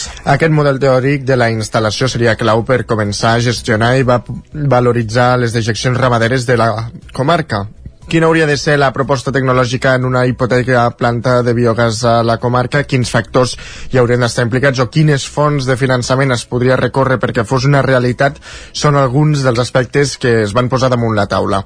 En parla el responsable de transferència del Centre Tecnològic Beta, Ricard Carreres. Uh, D'entrada, és obvi que el que fa falta és una proposta tecnològica Uh, jo crec que aquí tothom hi estarà d'acord. El que passa que nosaltres anem més enllà. A part de la proposta pròpiament tecnològica el que creiem és que s'han de fer altres uh, propostes com per exemple qui ha de conformar la societat que, que tiri endavant aquesta, aquesta iniciativa. Per exemple, quin finançament es pot trobar, quina ubicació ha de tenir aquestes plantes, hi ha molts altres aspectes més enllà dels aspectes tecnològics que s'han de tenir en compte. I avui el que pretenem és fer eh, aquestes propostes més concretes en tots aquests aspectes. Un dels aspectes però que més preocupa és la possible ubicació i és que tenint en compte la normativa actual i l'orografia del territori a Osona pràcticament és impossible construir-hi una nova planta. Un escenari que els porta a centrar totes les mirades en instal·lacions que actualment ja disposen de permís per tractar dejeccions ramaderes. És el cas de les dues plantes de desimpacte que ja hi ha a la comarca, una ubicada a l'Esquirol i l'altra a les Masies de Voltregà. Ricard Carreres. Per tant, jo, com a resposta en concret a la ubicació, et diria que potser la millor opció seria apostar per les plantes de desimpacte que hi ha dia d'avui, que tenen els dies comptats perquè les primes se'ls acaben i, per tant, la proposta seria aquesta. Però això és d'una empresa privada i, per tant, depenem una mica de, dels seus interessos, també. Aquest model teòric de planta de biogàs a Osona s'emmarca al Pla de Biogàs de Catalunya 2023-2030 que es va presentar a principis de mes al Congrés BIT que va acollir a la capital osonenga coincidint amb el Mercat del Ram. Es tracta d'un pla que té per objectiu abans del 2030 instal·lar 90 plantes a tot el Principat. Aprofundirem en aquesta qüestió, en aquesta planta tipus de biogàs ideal per la comarca d'Osona, a l'entrevista al Territori 17 la setmana vinent. Més qüestions, detectar la presència de nius de gavians a les teulades i espais elevats d'habitatges de Vic és l'objectiu de la campanya de prevenció per minimitzar les molèsties que provoquen aquestes aus en plena època de cria a la ciutadania. Una actuació que per primera vegada es fa amb l'ajuda d'un dron, Sergi. Aquesta és una acció preventiva per controlar la colònia d'una espècie que des de fa anys provoca una sèrie de danys anys a la capital osonenca, des de sorolls a brutícia. Per mitigar-los, cada any per aquestes dates es duen a terme les tasques de prevenció. Uns treballs que aquest any per primera vegada s'han desenvolupat amb l'ajuda d'un dron. Les imatges que captava l'aparell les, la seguia de prop representants de l'empresa bigatana Biodiversitat, coordinada, entre d'altres, pel biòleg i assessor de l'Ajuntament de Vic en matèria d'aus, Jordi Baucells. Les captures seran claus per detectar la presència de nius a taulades i espais espais elevats d'habitatges. En parla Baucells fem uns vols des de 120 metres amb una precisió d'un centímetre i fem fotos de totes les teulades per, per després a l'ordinador detectar els nius eh, de gavià i després poder accedir a les teulades on hi ha els nius. Cada any fem una prevenció i una gestió de l'espècie a la ciutat de Vic perquè provoquin menys danys a la població, menys molèsties i el que fem per no haver de, de tocar els animals i de, de, de molestar-los a més eh, i, i d'evitar, sobretot evitar sacrificar animals és evitar el que neixin. Amb dades del 2022, la població de gavians a la comarca es bellugava entre els 400 i els 500 exemplars, una espècie que comença a criar amb l'arribada de la primavera en entorns urbans, principalment en taulades i espais elevats dels habitatges. L'actuació d'aquest dimarts permetrà al consistori bigatà accedir als punts on s'han detectat els nius i intervenir-hi. Jordi Baucells. Bueno, clar, contactem amb els veïns, com cada any fem, i aquests veïns ens deixen accedir a la taulada i llavors punxem els ous perquè no neixin les cries. Boixell recorda als veïns i veïnes de la ciutat la necessitat, en cas de detectar la presència de nius de gavians en alguna taulada, d'avisar l'Ajuntament de Vic per tal de retirar-lo. I encara sobre l'Ajuntament de Vic ha aprovat la segona pròrroga del contracte amb la Fundació L'Atlàntida per la gestió del Centre d'Arts Escèniques i l'Escola de Música i Conservatori de la ciutat. La pròrroga és fins l'any 2031. També s'ha donat llum verda al contracte programa i la memòria econòmica derivades del contracte programa dels propers 4 anys fins al 2027. Els objectius que s'hi estableixen són més ambiciosos que els que s'havien fixat fins ara, segons la regidora de Cultura, Bet Piella ja no hi ha una funció tan d'arrencada, sinó que hi ha una funció més de projecció exterior, de ser referent al país, d'internacionalització sobretot pel que fa a la música, de reforçar els programes comunitaris i per tant els objectius que s'han marcat són més que quantitatius, són qualitatius. Pel que fa a l'escola de música, evidentment en aquest nou contracte programa es continuarà amb aquest camí iniciat d'excel·lència educativa que, que caracteritza l'escola de música de Vic, L'aportació econòmica que hi fa l'Ajuntament és de 2 milions d'euros anuals. El punt va tirar endavant el ple de dilluns amb els vots a favor de l'equip de govern de Junts per Catalunya i la regidora no adscrita Carme Tena, l'abstenció d'Esquerra i el vot en contra de Capgirem. Aquests dos grups van tornar a mostrar-se favorables a la gestió directa des de l'Ajuntament i no a través d'una fundació. Capgirem també qüestionava que l'aprovació de la pròrroga i del contracte programa es facin a poques setmanes de les eleccions municipals. Bet Piella ho va desvincular del calendari electoral i deia que s'ha de tirar endavant ara per garantir que, esdevingui, que estiguin vigents a l'inici del nou curs. Més qüestions, obrim plana cultural. Els festivals de circ El Ganxo, de Sant Feliu de Codines, al Vallès Oriental, i Giracir, de Collsospina, al Moianès, s'uneixen al Pixet de Riure, del Pens, al Lluçanès, a Osona, per tal d'ampliar tant la quantitat com la qualitat dels espectacles. Roger Ram, zona codinenca. L'objectiu d'aquesta fusió de tres festivals i tres comarques és compartir recursos humans, maneres de treballar, infraestructura logística, voluntaris i sobretot també públic. Xavi Vinuesa, director de Gira Circ de Collsospina, explicava que aquesta unió els permetrà portar espectacles de més qualitat i oferir més actuacions pels artistes. I també aquest any és com més complicat perquè les programacions ja estaven com gairebé totes tancades, però també compartirem artistes, que vol dir que clar, si a un artista doncs, li pots oferir un circuit de tres festivals que mínimament són seguits temporalment, doncs aleshores doncs, també podem doncs, accedir doncs, bueno, a millors catxers, a catxers com una mica més baixos, i llavors també a l'artista doncs, bueno, li, li dones més, més circuit per poder presentar la seva tasca. La idea final d'aquesta aliança, que tot just comença ara, és oberta a altres projectes i busca, busca una coordinació entre diferents petits festivals del territori perquè puguin treballar plegats i s'ajudin a fer d'altaveus els uns amb els altres la tendència hauria de ser cap a aquesta línia, poder ajuntar-nos petits festivals de tot el que és la Catalunya central, de tot el que són les comarques centrals de Catalunya, que probablement és, és bueno, aquests espais que estem com més apartats dels nuclis urbans grans, per poder doncs, retroalimentar-nos, ajudar-nos i ser altaveus i, i poder tindre un circuit propi i que, i que això vagi a més i vagi en creixement. L'Espai Fàbrica de Somnis de Vic acull aquest diumenge una matinal amb actuacions escèniques, pictòriques i musicals que serviran per desvetllar la programació dels tres festivals que tindran lloc en el cas del Ganxo el 29 d'abril, d'aquí dos caps de setmana, el 2 i el 3 de juny, en el cas del Pixet de Riure i del 18 al 20 d'agost al Giracirc. Gràcies, Roger. Més qüestions. La celebració de la Setmana de l'Activitat Física i de l'Esport i la 26a edició del Bici Vila arriben a Cardedeu. Pol Grau, Ràdio Televisió, Cardedeu. El 6 d'abril és el Dia Mundial de l'Activitat Física i a Cardedeu se celebra la Setmana de l'Activitat Física de l'Esport de l'11 al 16 d'abril, una setmana plena d'activitats que ha tingut com a cluent de la 26a edició de la Bicivila. Ens explica Mercè Jovany de l'Associació de Veïns del Centre. Bueno, doncs ja fa molts anys que, que fem el Bicivila. Aquest any ha entrat gent nova, eh, li ha donat una marxa diferent, eh, hi ha proves noves, eh, és un any que serà molt divertit, eh, el temps ens acompanya, o sigui que estem molt contents i esperem que vingui molta gent. Enguany, el recorregut s'ha iniciat des de la plaça Sant Joan, on es podien fer les inscripcions, i s'ha seguit amb cinc parades el Passeig Mestre Alexandri, el Parc de la Penya, el Parc Joan Closelles i Teixer, el Parc Bellavista i l'Skatepark, cadascun d'ells amb el seu repte. Enguany, s'ha optat per no fer repartició de punts segons la superació de les diferents proves, sinó sorteig d'obsequis entre tots els inscrits. Mira, no t'ho dic perquè segur que me'n descuidaria, però hi ha moltes botigues del centre que hi han participat, estem molt contents, els hi donem les gràcies, aquí les tenim totes, i llavors, eh, clar, a, a part d'això els hi donem la medalla, els hi donem una aigua, els hi donem patates, però eh, hi ha el sorteig, i fa il·lusió perquè doncs quan arriben, a veure a mi què m'ha tocat, i mira, és una cosa més de la, de la cursa doncs, que li dona vidilla. A més, a part del Bicivila, una de les activitats de les quals s'ha pogut gaudir durant la Setmana de l'Esport és el rocòdrom situat a la plaça Antonita Fontova, estrenat el passat 28 de març i construït gràcies als pressupostos participatius de l'any passat. Gràcies, Pol. Acabem aquí aquest repàs informatiu que començàvem a les 10 en companyia de Pol Grau, Roger Rams, Isaac Muntades i Sergi Vives. Moment de saludar de nou en Pep Acosta, el nostre home del temps.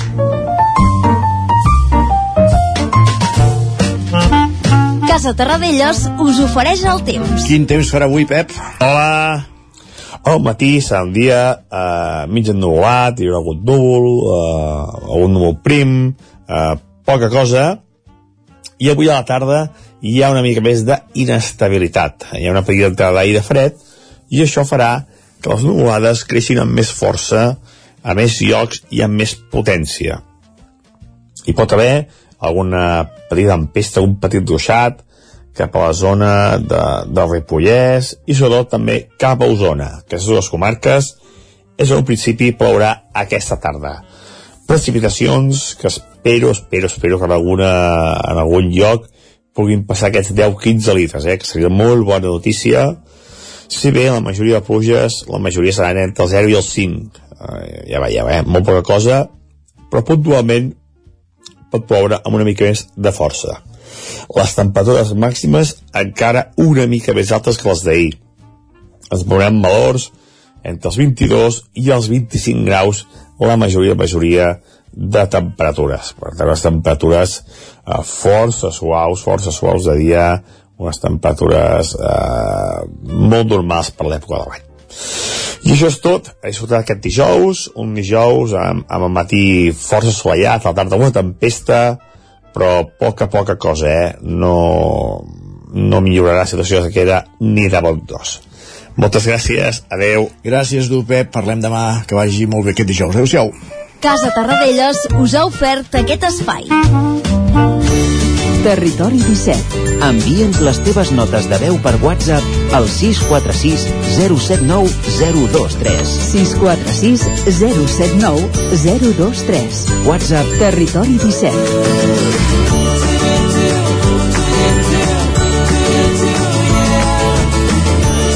Territori 17. Som a Facebook, Twitter i Instagram amb l'usuari Territori 17.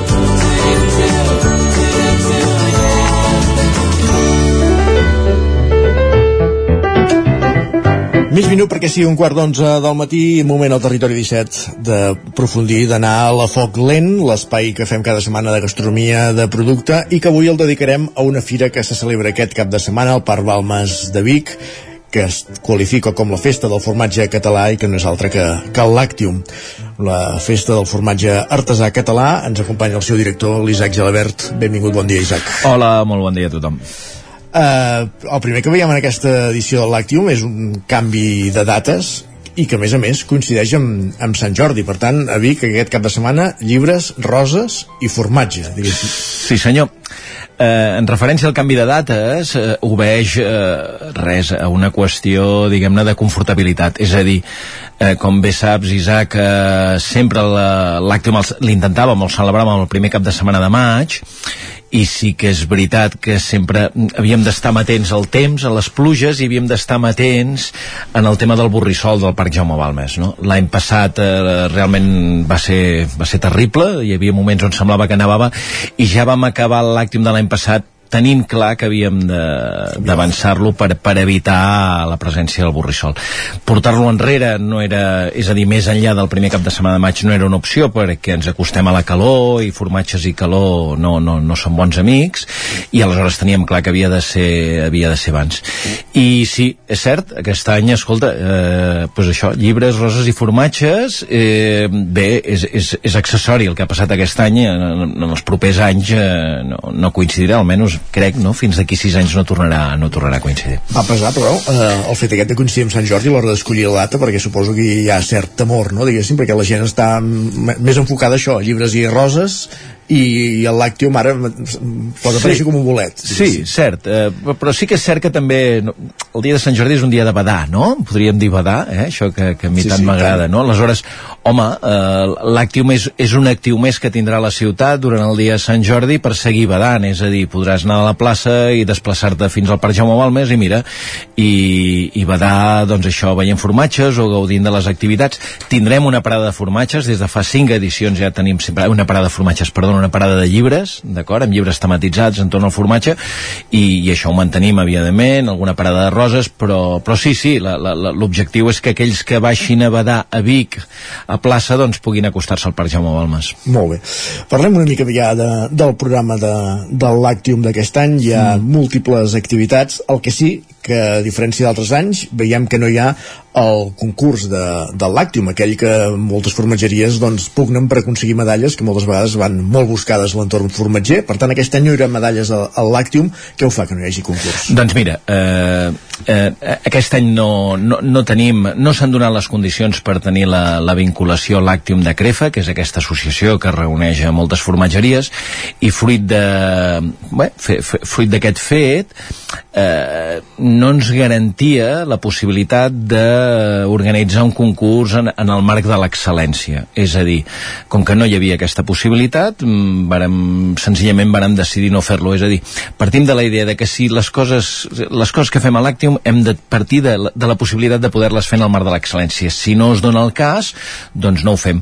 Eh, aviam, a mi em sap molt greu no tenir, no tenir el concurs aquest any, eh, tampoc passa res, vull dir, és una peça sectorial i sí que et puc dir que estem treballant per, per tenir-lo i recuperar-lo l'any que ve, perquè a més és l'únic concurs amb clau, diguem-ne, amb clau catalana, eh? amb un àmbit geogràfic tan ben definit com és, com és el, el formatge català i artesà. Per tant, l'objectiu és aquest, és un any de, eh, provisional de pausa, però la idea és que aquest concurs eh, recuperi i no sé si també aquesta vinculació que deies amb la Crefa. Sí, evidentment, eh? és a dir, hi ha, hi ha el compromís per, per part de tots plegats d'acabar aquest làctium de, de seure i parlar i, i buscar, buscar aquest marc no? en el que tots, tant l'Ajuntament de Vic com, com a Crefa se sentin còmodes. No hi haurà aquest concurs, però n'hi haurà un altre, que neix aquest any amb la amb vocació de continuar, que és un concurs de pastís de formatge, de cheesecake, que és un producte que està molt de moda i, i trobar el millor pastís de formatge eh, també és un, un bon repte. Sí, eh, això fa, fa temps que està ballant a la carpeta de, de les idees, eh? I, i de fet ja l'any passat vam dir, ostres, això ho hem de fer, ho hem de fer, i mira, i aquest any ho fem. Quin és l'objectiu d'aquest premi? En primer lloc, bé, no existeix una cosa semblant a Catalunya, en segon lloc, eh, reconeix, és a dir, no existeix una cosa semblant a Catalunya i aquesta idea de posicionar l'Àctium, eh, de, de, de, de fer coses a l'Àctium que tinguin impacte i que, i que posicionin l'Àctium, que reforcin aquesta idea de, de, de festa del formatge català. En segon lloc, reconèixer, evidentment, eh, quin és el millor pastís de formatge elaborat amb, amb formatge català. I en, i en tercer lloc, eh, promoure l'ús de, de, del formatge artesà català en aquesta recepta. És a dir, ens trobem una recepta d'èxit, no?, de, que, que les persones no? que, que seguiu les xarxes socials podreu veure, no?, és una, el, que, el que en diem en l'argot dels cuiners un, un tema molt instagramejable, no? I, tant, sí, sí. I, I sí que fe, feia temps que pensàvem, ostres, eh, habitualment es fan servir cremes àcides, no?, el clàssic Filadèlfia, no?, i dèiem, ostres, eh, escolta, això és una recepta d'èxit, eh, de quina manera podem, eh, podem això provocar no? o, o, o promoure l'ús de formatge català. Aleshores hem fet un, el, el, el, el tipus de, de pastís, perquè hi ha moltes varietats, eh? hi ha l'americà, ha el japonès, etc etc. És, eh, en aquest cas hem convocat, a, és el pastís clàssic fet al forn, amb una crema, correcte, amb una pasta de crema, que habitualment, i aleshores demanem en els, en els concursants que en aquesta crema s'utilitzi com a mínim, com a mínim hi ha d'haver un 20% de, de formatge artesà català, els fem presentar unes fitxes, sabrem quins formatges, amb quins formatges estan elaborant aquestes receptes, etc etc. I bé, eh, tenim 20, 20 inscrits d'arreu del país i un jurat, eh, la veritat, molt i molt potent, eh? amb, amb, amb, amb, amb gent del, de l'univers dolç, com, com són en Lluc Cruselles, eh? on David Gil, eh, gent de, de molt prestigi en l'univers dolç i usonencs, tenim la presència també d'en John Cake, que és eh, bueno, el creador eh? i el propietari d'aquest concepte d'èxit que es diu John Cake, aquestes botigues de, de pastís de formatge a Barcelona, l'Eva Vila, que és especialista en formatges, la Belén Parra i la Sarai Ruiz, que és una bé, és pastissera i formadora a l'Escola de Pastisseria del Gremi de Barcelona. Al Lactium hi trobarem eh, una trentena d'expositors en formatge, però també moltes activitats i una aula del formatge, l'aula Bon Preu Esclat, on hi passaran moltes activitats durant tot el cap de setmana i activitats vinculades al territori, per exemple, eh, propostes com fet a Osona o Osona Cuina, diguéssim. No? Sí. Aquest vincle amb el territori també es busca cada any. Evidentment, és a dir, eh, sempre, sempre l'hem buscat i, i, i sempre l'hem tingut molt en compte. Enguany també, i abans en parlaves del Sant Jordi, no? aquella idea de dir, bueno, eh, fem-ne una fortalesa. Aquest any el, el programa, una mica com mentre, mentre el conceptualitzàvem, sí que hem buscat o hem, hem creat un programa on, on hem pretès maridar el formatge amb, bé, amb, amb, amb, no? amb altres activitats artístiques, eh? és a dir, eh, enguany l'aula del formatge Bon Preu i Esclat doncs, acollirà un tas on maridarem jazz i formatges, eh, presentem llibres, maridarem també poesia i formatges, o inclús no? aquesta, aquesta activitat tan divertida que faran la Maria Nicolau i en Pau Vidal, en farem un crucigrama, mentre tastem formatges eh, resoldrem eh, un crucigrama que, que en Pau Vidal ha, ha construït expressament pel, pel Làctium. Uh, I parlàvem d'això, d'aquesta vinculació amb productes d'Osona, també? Sí, evidentment, eh, els productes d'Osona sempre han estat importants. De fet, Osona, eh, ja que té, no, no, no et descobriré res, no? Tenim un paisatge agroalimentari d'interès, excel·lent, i hi ha molt bons productes, i de fet, tenim formatgeries usonenques com cada any i, de, i la part dels amics del formatge eh, que, són, que és aquesta part, aquests productes agroalimentaris que ens agrada tenir perquè entenem que mariden i juguen i conjuguen molt bé amb el formatge el vi, la cervesa eh, les confitures, les conserves els pans, en aquest marc que són, són els amics del formatge, hi ha 15 expositors i ara em sembla recordar que em sembla 8 o 9 8 o 9 són empreses usonenques que, que totes elles en el marc de, de la qualitat i de l'excel·lència, totes elles en el marc, eh, sota la marca de Feta Osona, estaran a l'àctim exposant i venent els seus productes. i construint el que es proposa com una fusta de formatges eh, d'Osona en companyia d'aliments excel·lents. Hi ha prou varietat com per fer una fusta de formatges a la comarca d'Osona? Mare de Déu, mira, eh, no sé, l'altre dia ho comptava, em sembla que m'han sortit 18 formatgeries. No, no en pots fer una, no. En pots fer tres, pots fer tres o quatre. No, no. Osona és territori formatger, és territori lleter. Recordeu que l'any passat, eh, vàrem parlar, no?, eh, va, va ser un dels epicentres de la crisi dels preus de la llet, vull dir que Osona en aquest sentit, a més, un, un paisatge de formatgeries molt i molt heterogeni, amb molts tipus, des de formatges de pastor, a, bueno, ja, ja, sí, home, Osona, Osona dona per molt en aquest sentit. Parlem també de, de tastar, perquè al final la gent el que vol és tastar formatges, Sí. és menjar. Hi ha el cheese bar, aquesta mena de gastroteca on es podran fer degustacions i, i, i menjar formatge en, Sí. en, en alguns moments puntuals de la fira, eh, diguéssim. No, durant tota la fira, és a dir, el Cheeseburger Gastroteca és un espai, ja, això va, va néixer just la, la següent edició després de la pandèmia, on buscàvem, ens adonàvem que el Parc Jaume és un espai on, on la gent s'hi està molta estona, perquè s'hi està molt bé, eh, els que el coneixeu ja ho sabeu, s'hi està molt bé, és un espai molt orgànic i molt amable, i vam dir, ostres, hem de, a part de la pròpia, de la pròpia aula, on la gent, evidentment, en, en aquestes 10 activitats, les persones que assisteixen tasten i mengen i proven i descobreixen el rau dels formatges, ens n'adonàvem que ens, caldava, ens calia crear un espai més lúdic on, on les persones que estan al Parc Jaume Mal més puguin seure, puguin, no? puguin tastar formatges i beure's una copa de vi. Aleshores vam crear aquest espai que és el Cheeseburger Gastroteca. En aquest espai, durant els horaris de la fira, de manera ininterrompuda, el que servim són fustes de formatges i aquestes fustes de formatges eh, contindran formatges presents a la fira, és a dir, són fustes que s'aniran que, que aniran canviant, d'acord? Amb l'objectiu de donar visibilitat a tots els productors o totes les formatgeries que hi ha presents a la fira. Una fusta que contindrà cinc formatges, una copa de vi, un pot de confitura i algunes galetes artesanes. I parleu una mica de les formatgeries que, que exposen. Hi ha una trentena d'expositors. Qui són, d'on venen, a grans trets? Bé, no, home, eh, en, en clau formatge d'arreu de Catalunya, eh? des del Pirineu, al sud, a Llevant i a Ponent, és a dir, tenim, de, tenim ja de tot, vale? jo calculo que oh, pues sí, uns 150, més de 150 formatges, no?, eh, conjugaran. Home, destacaria la presència de, de, en aquest sentit, en el marc expositiu, dues novetats. Una, enguany, eh, a més vaig estar a Menorca fa poc i venen, venen tres formatgeries menorquines, d'acord? A més, amb tres projectes molt i molt, molt diferenciats, molt solvents, formatges que, que m'agrada molt descobrir. Una d'elles, eh, Torre Trencadeta, a més fa poc va, va recollir un important premi a la Fira Arrels de, de Maó. I, i, I per altra banda tenim formatgeries que estan vinculades al segell Ramats de Foc. Eh, com, no sé si ho recordes, l'any passat van parlar molt de la, de, de la cooperativa Plana de Vic, eh, eh, perquè volíem, volíem afrontar aquest, aquest, aquest, bueno, el, el problema dels preus de la llet, i enguany, Uh, bé, veient que, que, que serà un any sec i hi haurà un any de sequera, aquest any hem, hem, hem convidat hem, hem, a, a, la, a la marca Ramats de Foc. Uh, bé, una marca que mitjançant la Sílvia Pastura uh, col·labora i treballa per l'extinció d'incendis. Isaac Gelabert, que vagi molt bé aquest l'actiu. Moltes gràcies a tots. Serà aquest cap de setmana al Parc Balmes de Vic dissabte i diumenge. Pausa i tornem, 3 minuts. El nou FM, la ràdio de casa, al 92.8. Per moure't, lloga un cotxe ALR. Per moure la família, lloga un minibús ALR. Per moure coses, lloga una furgoneta ALR. Per moure la casa, lloga un camió ALR. Lloguer de cotxes, furgonetes i camions ALR. Ens trobaràs al carrer Francesc Sant Climent 83 de Vic i també a Olot i Manresa. Informa't en el 93 888 60 57 o bé consulta el web alr.cat. A Boi Galtés trobaràs tot el que necessites relacionat amb l'equitació, t'assessorem i t'equipem amb tot el que et faci falta. Som especialistes. No ho dubtis i vine a Boi Galtés. Ens trobaràs al carrer Jaume I de Vic, número 5, al 93 886 1420, a la nostra web www.boigaltés.es i també som a Instagram, boigaltés.equitació. El 23 d'abril és Sant Jordi, el dia del llibre. Com m'agrada aquesta festa.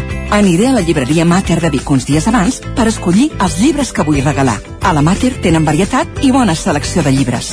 Demanaré que m'emboliquin una de les noves novel·les i un llibre de cuina. I potser un d'esport i de natura. I no em puc oblidar de buscar uns contes de la secció infantil. Quina il·lusió! Ja puc veure els seus somriures quan obrin els regals. Llibreria Mater, al carrer Pla de Balanyà 23 de Vic. La meva llibreria per Sant Jordi i tot l'any. Aquesta primavera, Centelles és màgia. El 15 d'abril participa a l'onzena cursa pel poble saharaui.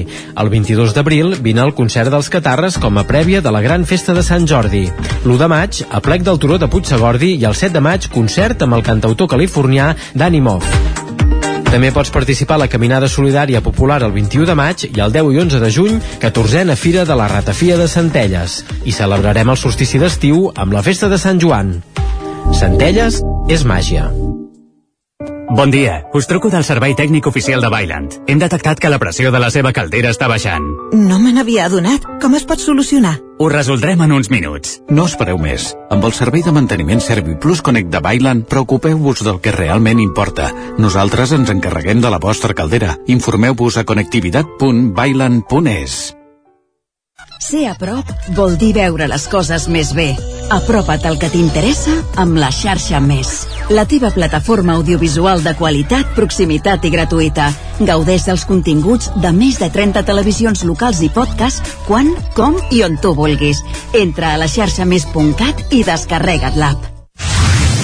El nou FM, el nou FM, el nou FM, el nou FM. En punt, dos quarts d'onze al territori 17. Ai, que t'he canviat la sintonia, Sánchez. T'ha agradat aquesta, eh? M'esperava dir ostres, potser eh, comencem de manera diferent o hi ha alguna novetat? No, no, se'ns havia quedat encallada la sintonia de la foc lent encara. Cap Vaja. problema, cap problema, només faltaria. Va, som-hi. Som-hi, vinga. Què has trobat a Twitter? Doncs vinga, tot i que estiguem a prop d'arribar al final de la setmana, no sé si dir-ho així ja, encara queden coses importants per fer, de Ja, fet... però a mi sempre m'havien dit que, era, que sempre estava al mig com el dijous. Al mig com el dijous, sí, sí però no. Ah, entesos. Sí però no. Va, a veure si li donaries algun consell a aquest usuari que ens escriu. Diu, estic una mica nerviosa, tinc una reunió de les que ja fa temps que no tinc amb un paio que ocupa un càrrec d'aquells que ocupen tres línies i jo li he de fotre canya de manera educada i tranquil·la però contundent. Apa. Algun consell? Pensa que aquests càrrecs que tenen tres línies potser és ell sol, eh? El, el departament, al final. Director, ell, ell, general... ell s'ho agafa, agafa... No, a vegades no són tan directes. Bueno, en fi, jugar.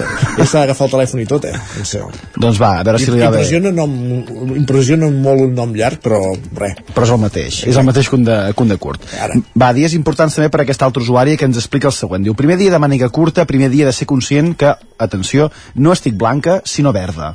Verda? Què vol dir que estic verda? No l'havia sentida mai, ah, jo, aquesta. Ah, molt tatuada. Ostres. No? No sé. No sé, si ens pot donar alguna explicació més, que ens ho, que ens ho faci arribar per Twitter, perquè no, no, ho, he, no ho he entès no ho entès, sincerament. Va, i vinga, anem a parlar una mica més de Sant Jordi, que aquesta setmana no ho hem fet gaire, aquests No. dies a la secció. M'ha fet molta gràcia el tuit de l'Oriol. Ja què diu Oriol. Diu, el dia de Sant Jordi estaré signant exemplars del meu llibre imaginari al carrer d'Urgell, cantonada Borrell. Jo recordo quan era molt petit a l'escola que ens van fer fer una auca de Sant Jordi i vam, vam idear el gran vers de per Sant Jordi cada dia menjar mordi. Vull dir que això no, no, no ho supera. I no va signar exemplars d'aquesta d'aquesta auca en algun lloc, Isaac. No, no encara. Va, i de veritat que m'agradaria viure amb, amb la mateixa actitud aquest usuari que ens escriu avui dijous, gairebé divendres, que divendres ja és festa, que és com dissabte, que dissabte és dissabte i després ja estem a Sant Jordi. Ah, d'acord. I així de fàcil, no? I passen els dies i les hores que ni te El n'adones. que és que després de Sant Jordi no ve diumenge, ve dilluns. No, ve dilluns dia 24 de- d'abril. Va, i què en penses de l'afirmació de la Carla, que ens diu no hi ha absolutament res que uneixi els catalans més que Sant Jordi, a tothom li encanta, és de manera objectiva el millor dia de l'any i no trobaràs a ningú odiant-ho. Home, segur... Bueno, bueno, bueno, bueno, bueno. A, a Twitter pots trobar moltes coses, eh? Ara, ara anava a dir, no crec que sigui la millor xarxa social per dir que no trobaràs ningú odiant alguna cosa, perquè sempre trobes algú que... Per favor. I tant. Va, i la Lucía no perd l'esperança perquè ens diu i nosaltres ens seguim imaginant que ens donaran una sorpresa per Sant Jordi. Qui? Que ens l'ha de donar la sorpresa. No sé, potser algú que regala un llibre, una rosa de manera inesperada o que, no sé, alguna, alguna cosa inesperada que pugui, que pugui passar. Molt bé. I va, llegim una aportació també de la Mar que és digna de destacar. Ens diu, l'altre dia explicava la llegenda de Sant Jordi al grup de 3 anys.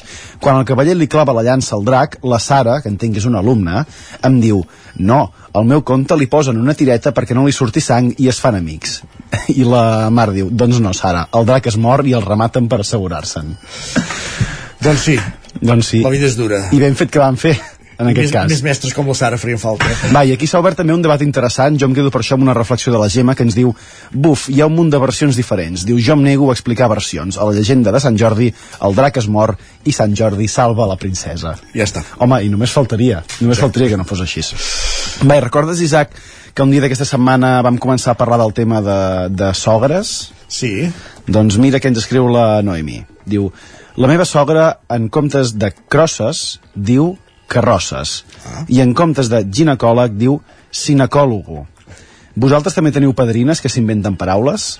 Creus que ha contestat gaire gent aquest, aquest tuit? Home, doncs molta. Doncs va, anem a destacar algunes de les respostes. Per exemple, l'Olga, que ens diu la meva sogra deia Can Bravo en comptes de Capravo, aquesta és bona. Sí. O la Lluïsa, que ens diu la meva cunyada a l'ibuprofeno li diu ibuprofeno i coneixia una padrina que els euros els deia ebros. Ebros. Però potser una de les millors és la que ens comparteix la Sandra, que ens diu colocatin, el medicament. Gelocatil. Correcte. Gladiolus, els raviolis. Gladiolus. I avarícies a les varius. S'ha de tenir imaginació també eh, per saber a què ens estem referint. Va, has de- d'entendre el context, si no et pots perdre. Va, i per acabar, l'actualització meteorològica diària per la cita de, de diumenge. L'Àlex ens comenta el vostre meteoròleg de confiança us comunica que segons les darreres actualitzacions dels models meteorològics, tres punts suspensius, gaudirem d'una diada de Sant Jordi amb forces tones de sol i una probabilitat de pluja baixa a Barcelona i bona part de Catalunya. Bona part, i l'altra part que no és bona? Ja ho veurem diumenge. Ara, ara tothom vol ser a la, bo, a la part bona. vaja. correcte, correcte. Doncs va, a comprar molts llibres i moltes roses, I Isaac. molta loteria. Va, que vagi molt bé. Territori 17, el 9 FM, la veu de Sant Joan, Ona Codinenca, Ràdio Cardedeu, Territori 17.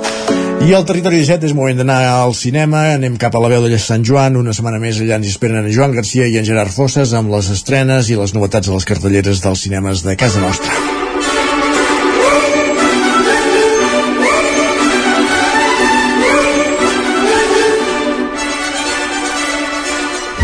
I una setmana més, moment de parlar de cinema a la veu de Sant Joan i de fer-ho, com sempre, amb en Gerard Fosses. Hola, Gerard, Hola, què tal? com va això? Doncs molt bé, amb moltes ganes d'anar al cine aquest cap de setmana, la veritat. Sí? Mm, Sí, sí, sobretot perquè hi ha una estrena que a mi m'atrau moltíssim, que és d'una saga que, que a mi m'agrada molt. Uh, no és per tots els públics, però bueno, tenim cosetes per tots els gustos. Tu anava a dir, tens ganes, és, és un dia o és que hi ha alguna cosa? Doncs sí, hi ha alguna cosa. Ah, hi ha alguna cosa, hi ha alguna cosa. Molt bé. Doncs entenc que això que farà por, no? Si t'agrada tu i pels comentaris que has fet. Efectivament. Uh, si et sembla, ja, ja ens hi posem de cap. Uh -huh. Uh, toca fer una escapadeta cap a una cabanya perduda en el bosc i despertar uns quants dimonis perquè la pel·lícula de la qual parlarem es diu Possessió Infernal, El Despertar. Da igual lo ocupada que estuvieras, siempre tenías tiempo para mí. No puedo creer que no vaya a volver a hablar contigo.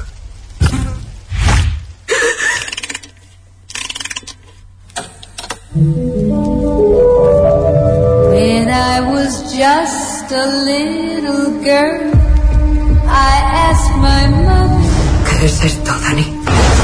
Lo he encontrado.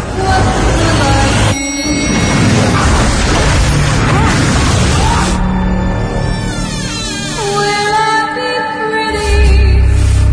Will I Here's what she said. Molt bé, veiem que algú que s'havia mort no s'ha mort del tot, no?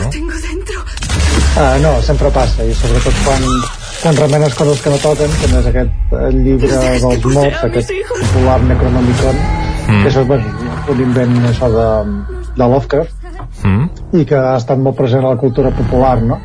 i, i va ser com una mica l'origen de- d'aquesta saga creada per Sam Raimi que és, que és una autèntica bogeria perquè em va fer tres pel·lícules que va començar als 80 i això es va allargar fins als 90 ha tingut un remake i ara té aquesta pel·lícula que és, que és una seqüela directa de la trilogia original uh, ho hem embolicat molt però realment o sigui, podeu veure les pel·lícules a l'ordre que vulgueu i no passa res, eh? no, no és que hi hagi aquí una, una història que, que s'hagi de seguir Mhm. però la, la gràcia al final de- d'aquests films és que eh, eh, jugant amb un terreny de joc que és sempre això, una cabanya així perduda amb aquell llibre mm, dels morts i el fet de, de doncs això, de, de llegir aquests, eh, diguem, aquests passatges del llibre Mm. doncs fa que es despertin eh, forces infernals no?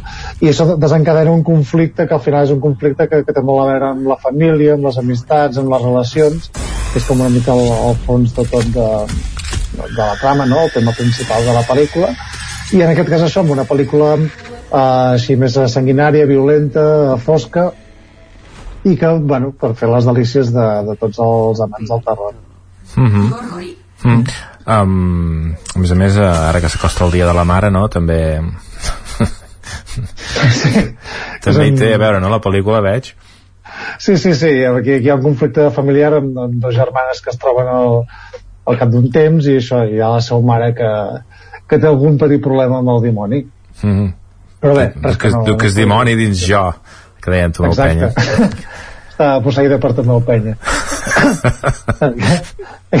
Aquesta pel·lícula té, té una curiositat, que és que, diguem que va passar una mica desapercebuda durant la seva producció, tot i tenir un títol així bastant famós. Mm -hmm. Uh, està produïda per New Line Cinema, Warner Bros. també, i, i va ser quan van començar a fer el, això que es diuen els test screenings, que són unes projeccions amb, amb, un, diguem, amb un target de públic, no?, perquè veguin la pel·lícula, diguin què els hi sembla, llavors allà potser corregeixen coses, no? Mm -hmm. I es veu que, que la gent, que van fer uns quants i que tothom sortia com al·lucinant de que els va encantar la pel·lícula, tal, i, i era una pel·lícula que anava segurament directa a, a VOD, a plataformes, o hagués tingut una estrena molt limitada i el fet d'aquests screenings i, i de, o sigui, no teníem molta confiança i el fet de, de que el públic semblava que responia doncs ha fet que, que fes un salt i que tingui això estrenes internacionals i que vagi amb, amb estrenes en sales de cinema com crec que havia de ser. Molt bé. Aquesta és d'aquestes que es pot veure tot arreu? Sí, efectivament. Aquesta setmana totes es poden veure tot arreu. Estem en, en ratxa. Molt bé. Doncs anem a per la segona. Anem a per la segona. Uh, la segona és una pel·lícula que, que va passar pel, pel Festival de Berlín i, i de fet se'n va portar a l'Os de Plata a la, a la millor interpretació femenina uh, no, no va arribar a quallar millor pel·lícula com el Carràs però sí que era una de les candidates allà i, i és una pel·lícula espanyola també en coproducció catalana en aquest cas d'Estibaliz Urresola i és una pel·lícula que es titula 20.000 especies de abejas Mamá, ¿por qué soy así? Así como, cariño. Si Dios nos ha hecho perfectos. Somos perfectos. ¿Tu peluda de Sverley? Mal. ¿Y seco? ¿Eres médico? Yo no. Ellas.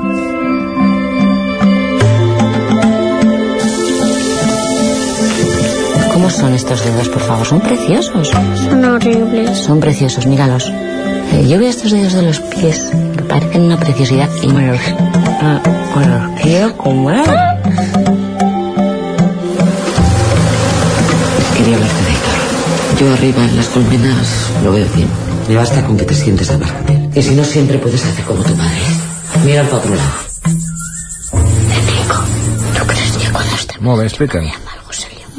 Bé, eh, aquesta pel·lícula és és un, un film que, que tracta un tema molt, molt universal actualment com és la, la crisi d'identitat o el fet de- d'estar de, per tot el, el món I, i, és, i la premissa és interessant perquè parla d'un nucli familiar en aquest cas format per una nena de, de 8 anys que, que, que és trans i, i vol, bueno, diu que és, que és un nen uh, llavors hi ha la seva mare que té una crisi professional sentimental també i, i llavors hi ha la tieta que, que, és, ja, que és ja més gran i, i que bé, que, que està lligada al món rural que és un món que també va desapareixent no? Mm. I, el- i el lligam amb aquestes tres històries de tres dones, tres generacions diferents i totes amb aquest mateix problema que és, és no sé, una crisi personal que sembla com permanent i, i transgeneracional no? i això fa com un retrat com molt natural com és quasi bé cinema etnogràfic d'aquesta crisi que persegueix els éssers humans durant, durant tota la vida o, o durant tota la història, quasi bé podríem dir. Mm. I intenta fer un retrat així amb un enfoc molt emotiu però ara molt delicat i això que, fa que sigui una pel·li alhora també molt, molt pedagògica amb la qual és molt fàcil empatitzar i que crec que, que agradarà també bastant al gran públic.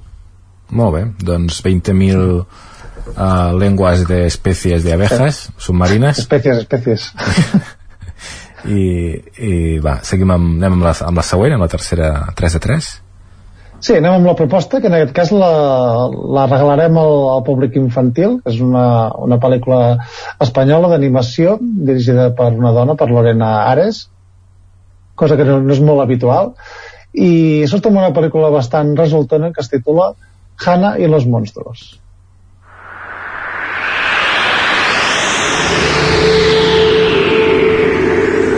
Cansats del tracte que rebien, els monstres se'n van anar a un lloc on els humans no els poguessin trobar mai. On? Monstres on? Jo també sóc un monstre? Ser diferent no té res de dolent. Et fa única.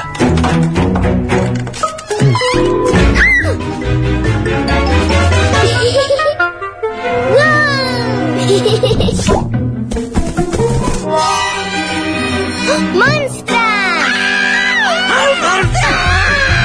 Vaja, doncs sembla que aquest lloc on van els monstres a descansar tranquils i ha arribat aquesta nena.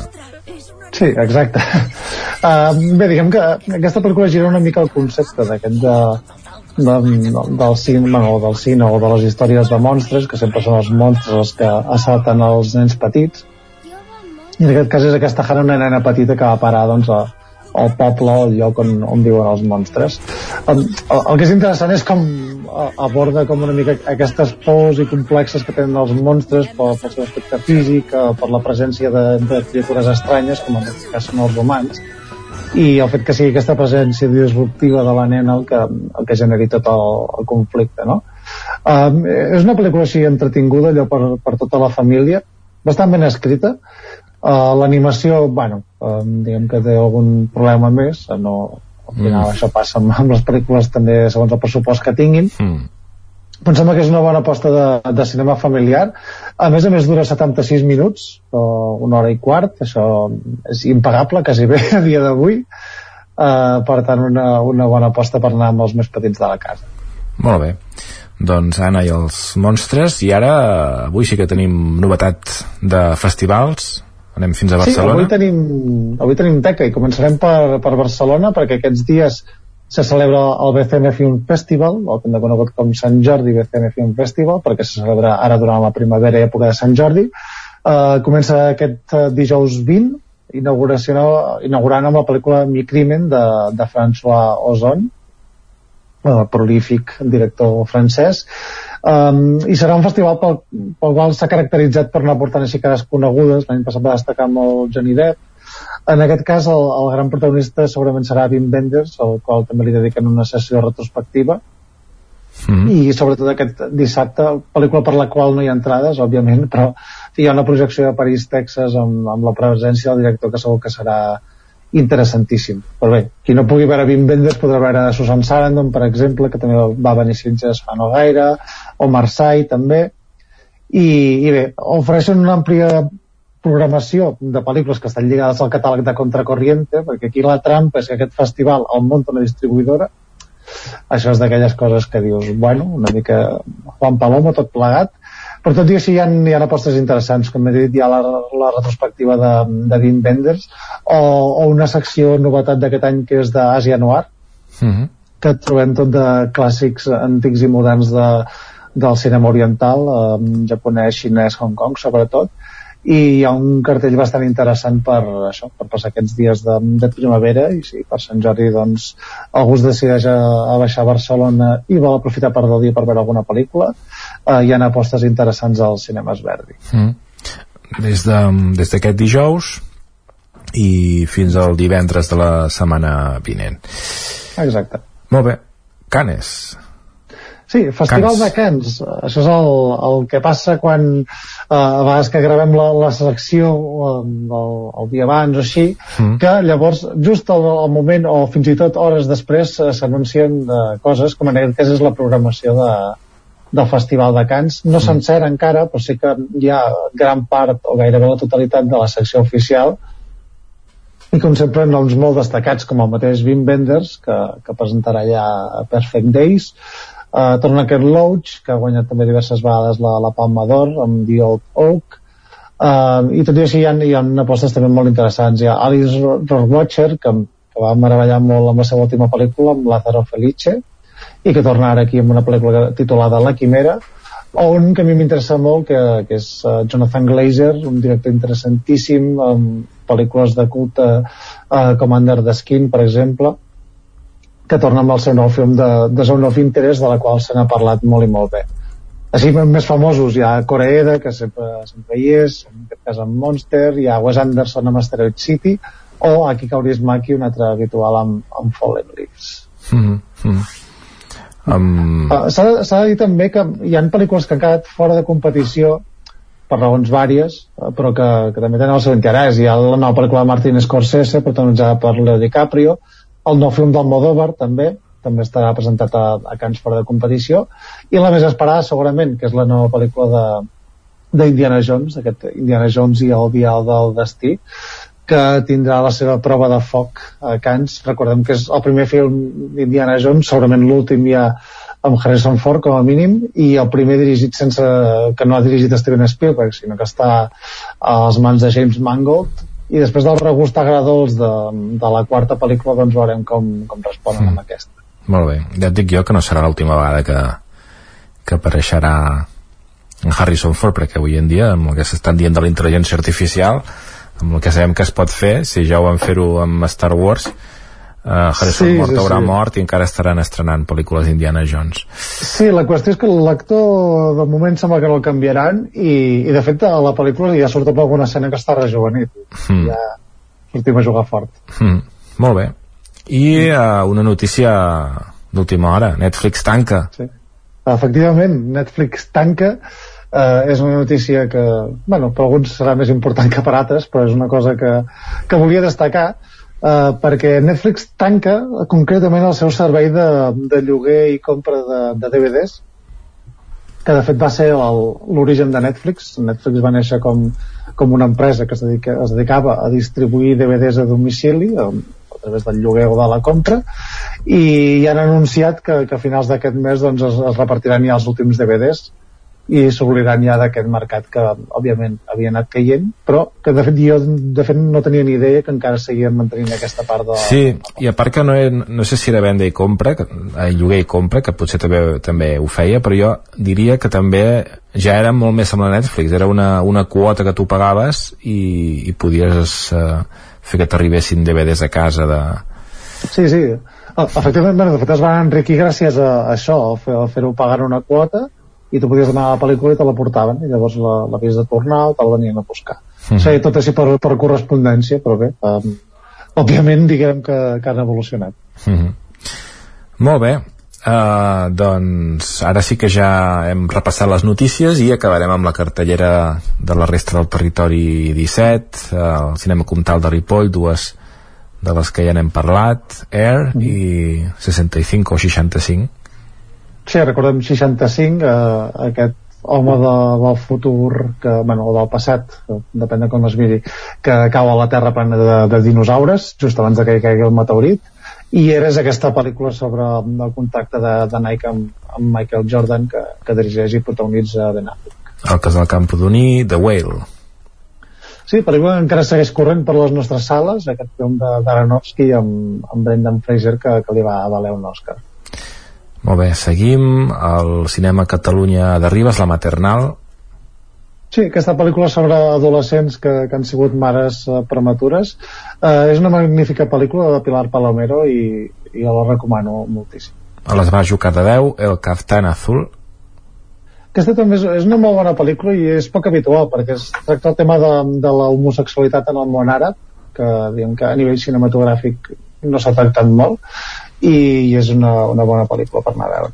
Molt bé, i el cinema l'Ambra de la Garriga, t'ho deixo a dir tu, t'ho deixo a dir tu, Gerard.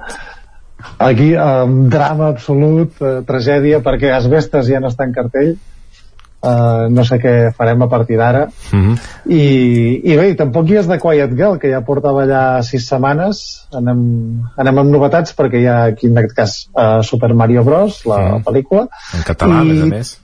en català, Uh, una altra pel·lícula d'estrena que és La mujer de Tchaikovsky que no, no hem Per, per cert, per cert, per cert, per cert. Uh, ara que parlem de Mario Bros i de que està doblada en català, es veu que el, la veu del, d'en Mario, en la versió en català, és la mateixa veu original d'en Mario en anglès i dels videojocs, perquè es veu que el, el doblador de- d'en Mario, des de fa una borrada d'anys, em sembla que ja té 70 i pico d'anys, doncs el doblador eh, es veu que té alguna relació amb Catalunya em sembla que ja amb 12 anys va, va venir a viure aquí durant un temps i això per tant que ha pogut doblar també el català Ah, doncs mira, eh, no, no sé si és un al·licient més per anar-la a veure, però ja és curiós que, que segueixi mantenint la veu del Mario durant tants anys. mm.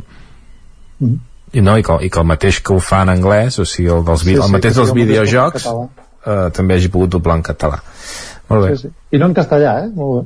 En castellà no ho sé ara ho he de mirar No, no, valor afegit, valor afegit. mm. Res, de- descan- destacant també pel·lícula d'estrena de La mujer de Tchaikovsky, que és sobre això, sobre la dona de Tchaikovsky, i, i una pel·lícula que pinta molt interessant, que es va estrenar la setmana passada, que és una pel·lícula de, de Pietro Marcello, que es titula Scarlet, Mhm. eh, que és d'aquestes fàbules de realisme màgic també que, que bueno, són d'aquestes pel·lícules que encandilen moltíssim i aquesta setmana està corrent bastant per Twitter de molta gent que l'ha anat a veure i que, que està agradant molt. Mm.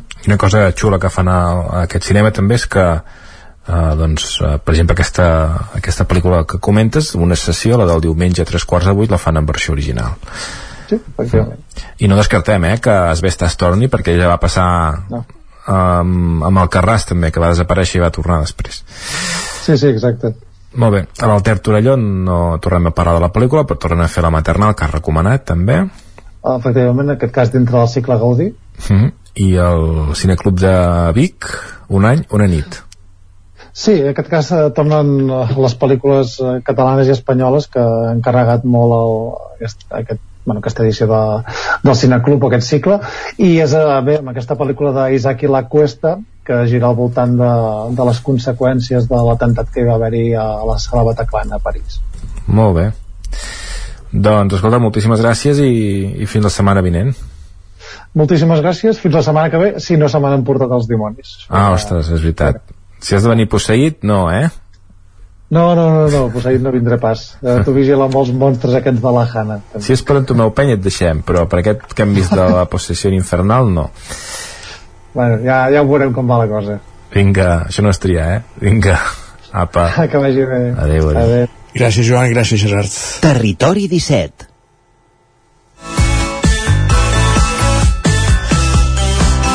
I acabem el territori 17 parlant de sèries. Uh, no sé, ara que parlant d'estar posseït, Isaac Montades, tu estàs o no? Uh, ostres, no ho sé. Ah, en, principi, en principi no, no, no tinc pendent cap exorcisme. D'acord, d'acord. De què parlem avui? Mira, parlarem ràpidament de La gente nocturno, que és una sèrie que està a Netflix. De fet, sí. fa quatre setmanes que està en la primera posició de les sèries més eh, vistes, de la, del top 10. Uh, és una sèrie de 10 capítols, aproximadament no arriben a l'hora de, de durada, que parla d'un agent de, de baix nivell de l'FBI que es diu Peter Sutherland, que treballa a la nit en un soterrani de la Casa Blanca, i ell s'ocupa d'agafar un telèfon uh, que normalment no sona, però que quan sona vol dir que hi ha un agent infiltrat o una persona bueno, que, que està en perill, no? Sí. I resulta que evidentment sona el telèfon i a partir d'aquí es desencadena tota una sèrie de, de fets que hi ha com una espècie de, de complot o alguna cosa dins de la Casa Blanca per perpetrar un atemptat i ell ha d'ajudar una noia que, que, que en el primer capítol doncs, eh, està a punt de ser eh, assassinada perquè està en el lloc eh, incorrecte en el moment equivocant, no? per dir-ho d'alguna manera uh, i, i uh, una mica parla d'això, no? de moment estic a la meitat de la sèrie, és bastant entretinguda i, i t'enganxa uh, i per tant, doncs bé uh, molt, molt recomanable per ara i, i realment una de les sèries d'aquest any de, de Netflix I la gente nocturno a Netflix una temporada i ara mateix només? Una temporada només, sí, de 10 episodis 10 i episodis. ja està, veurem, veurem com acaba per si n'hi ha una segona, això, clar, no, encara no, com que no he arribat al final no us ho puc dir. Doncs tot de fets que es desencadenen quan sona un telèfon, no sabem si és vermell o de quin color, a la casa blanca. negre. És negre, eh? és negre. doncs el telèfon que sona a la, sala, a la Casa Blanca, El Agente Nocturno, la sèrie que recomana avui l'Isaac Muntades i amb la qual acabem el territori 17. Isaac, fins demà. Fins demà. Gràcies, Adéu. bon dia. Bon dia.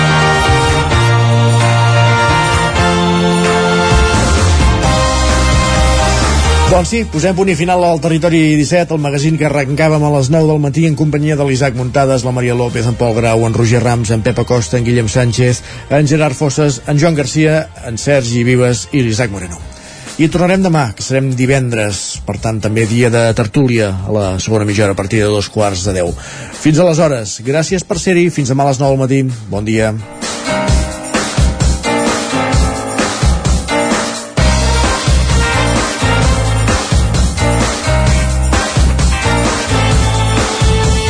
Territori 17, un magazín del nou FM. La veu de Sant Joan, Ona Codinenca i Ràdio Cardedeu amb el suport de la xarxa.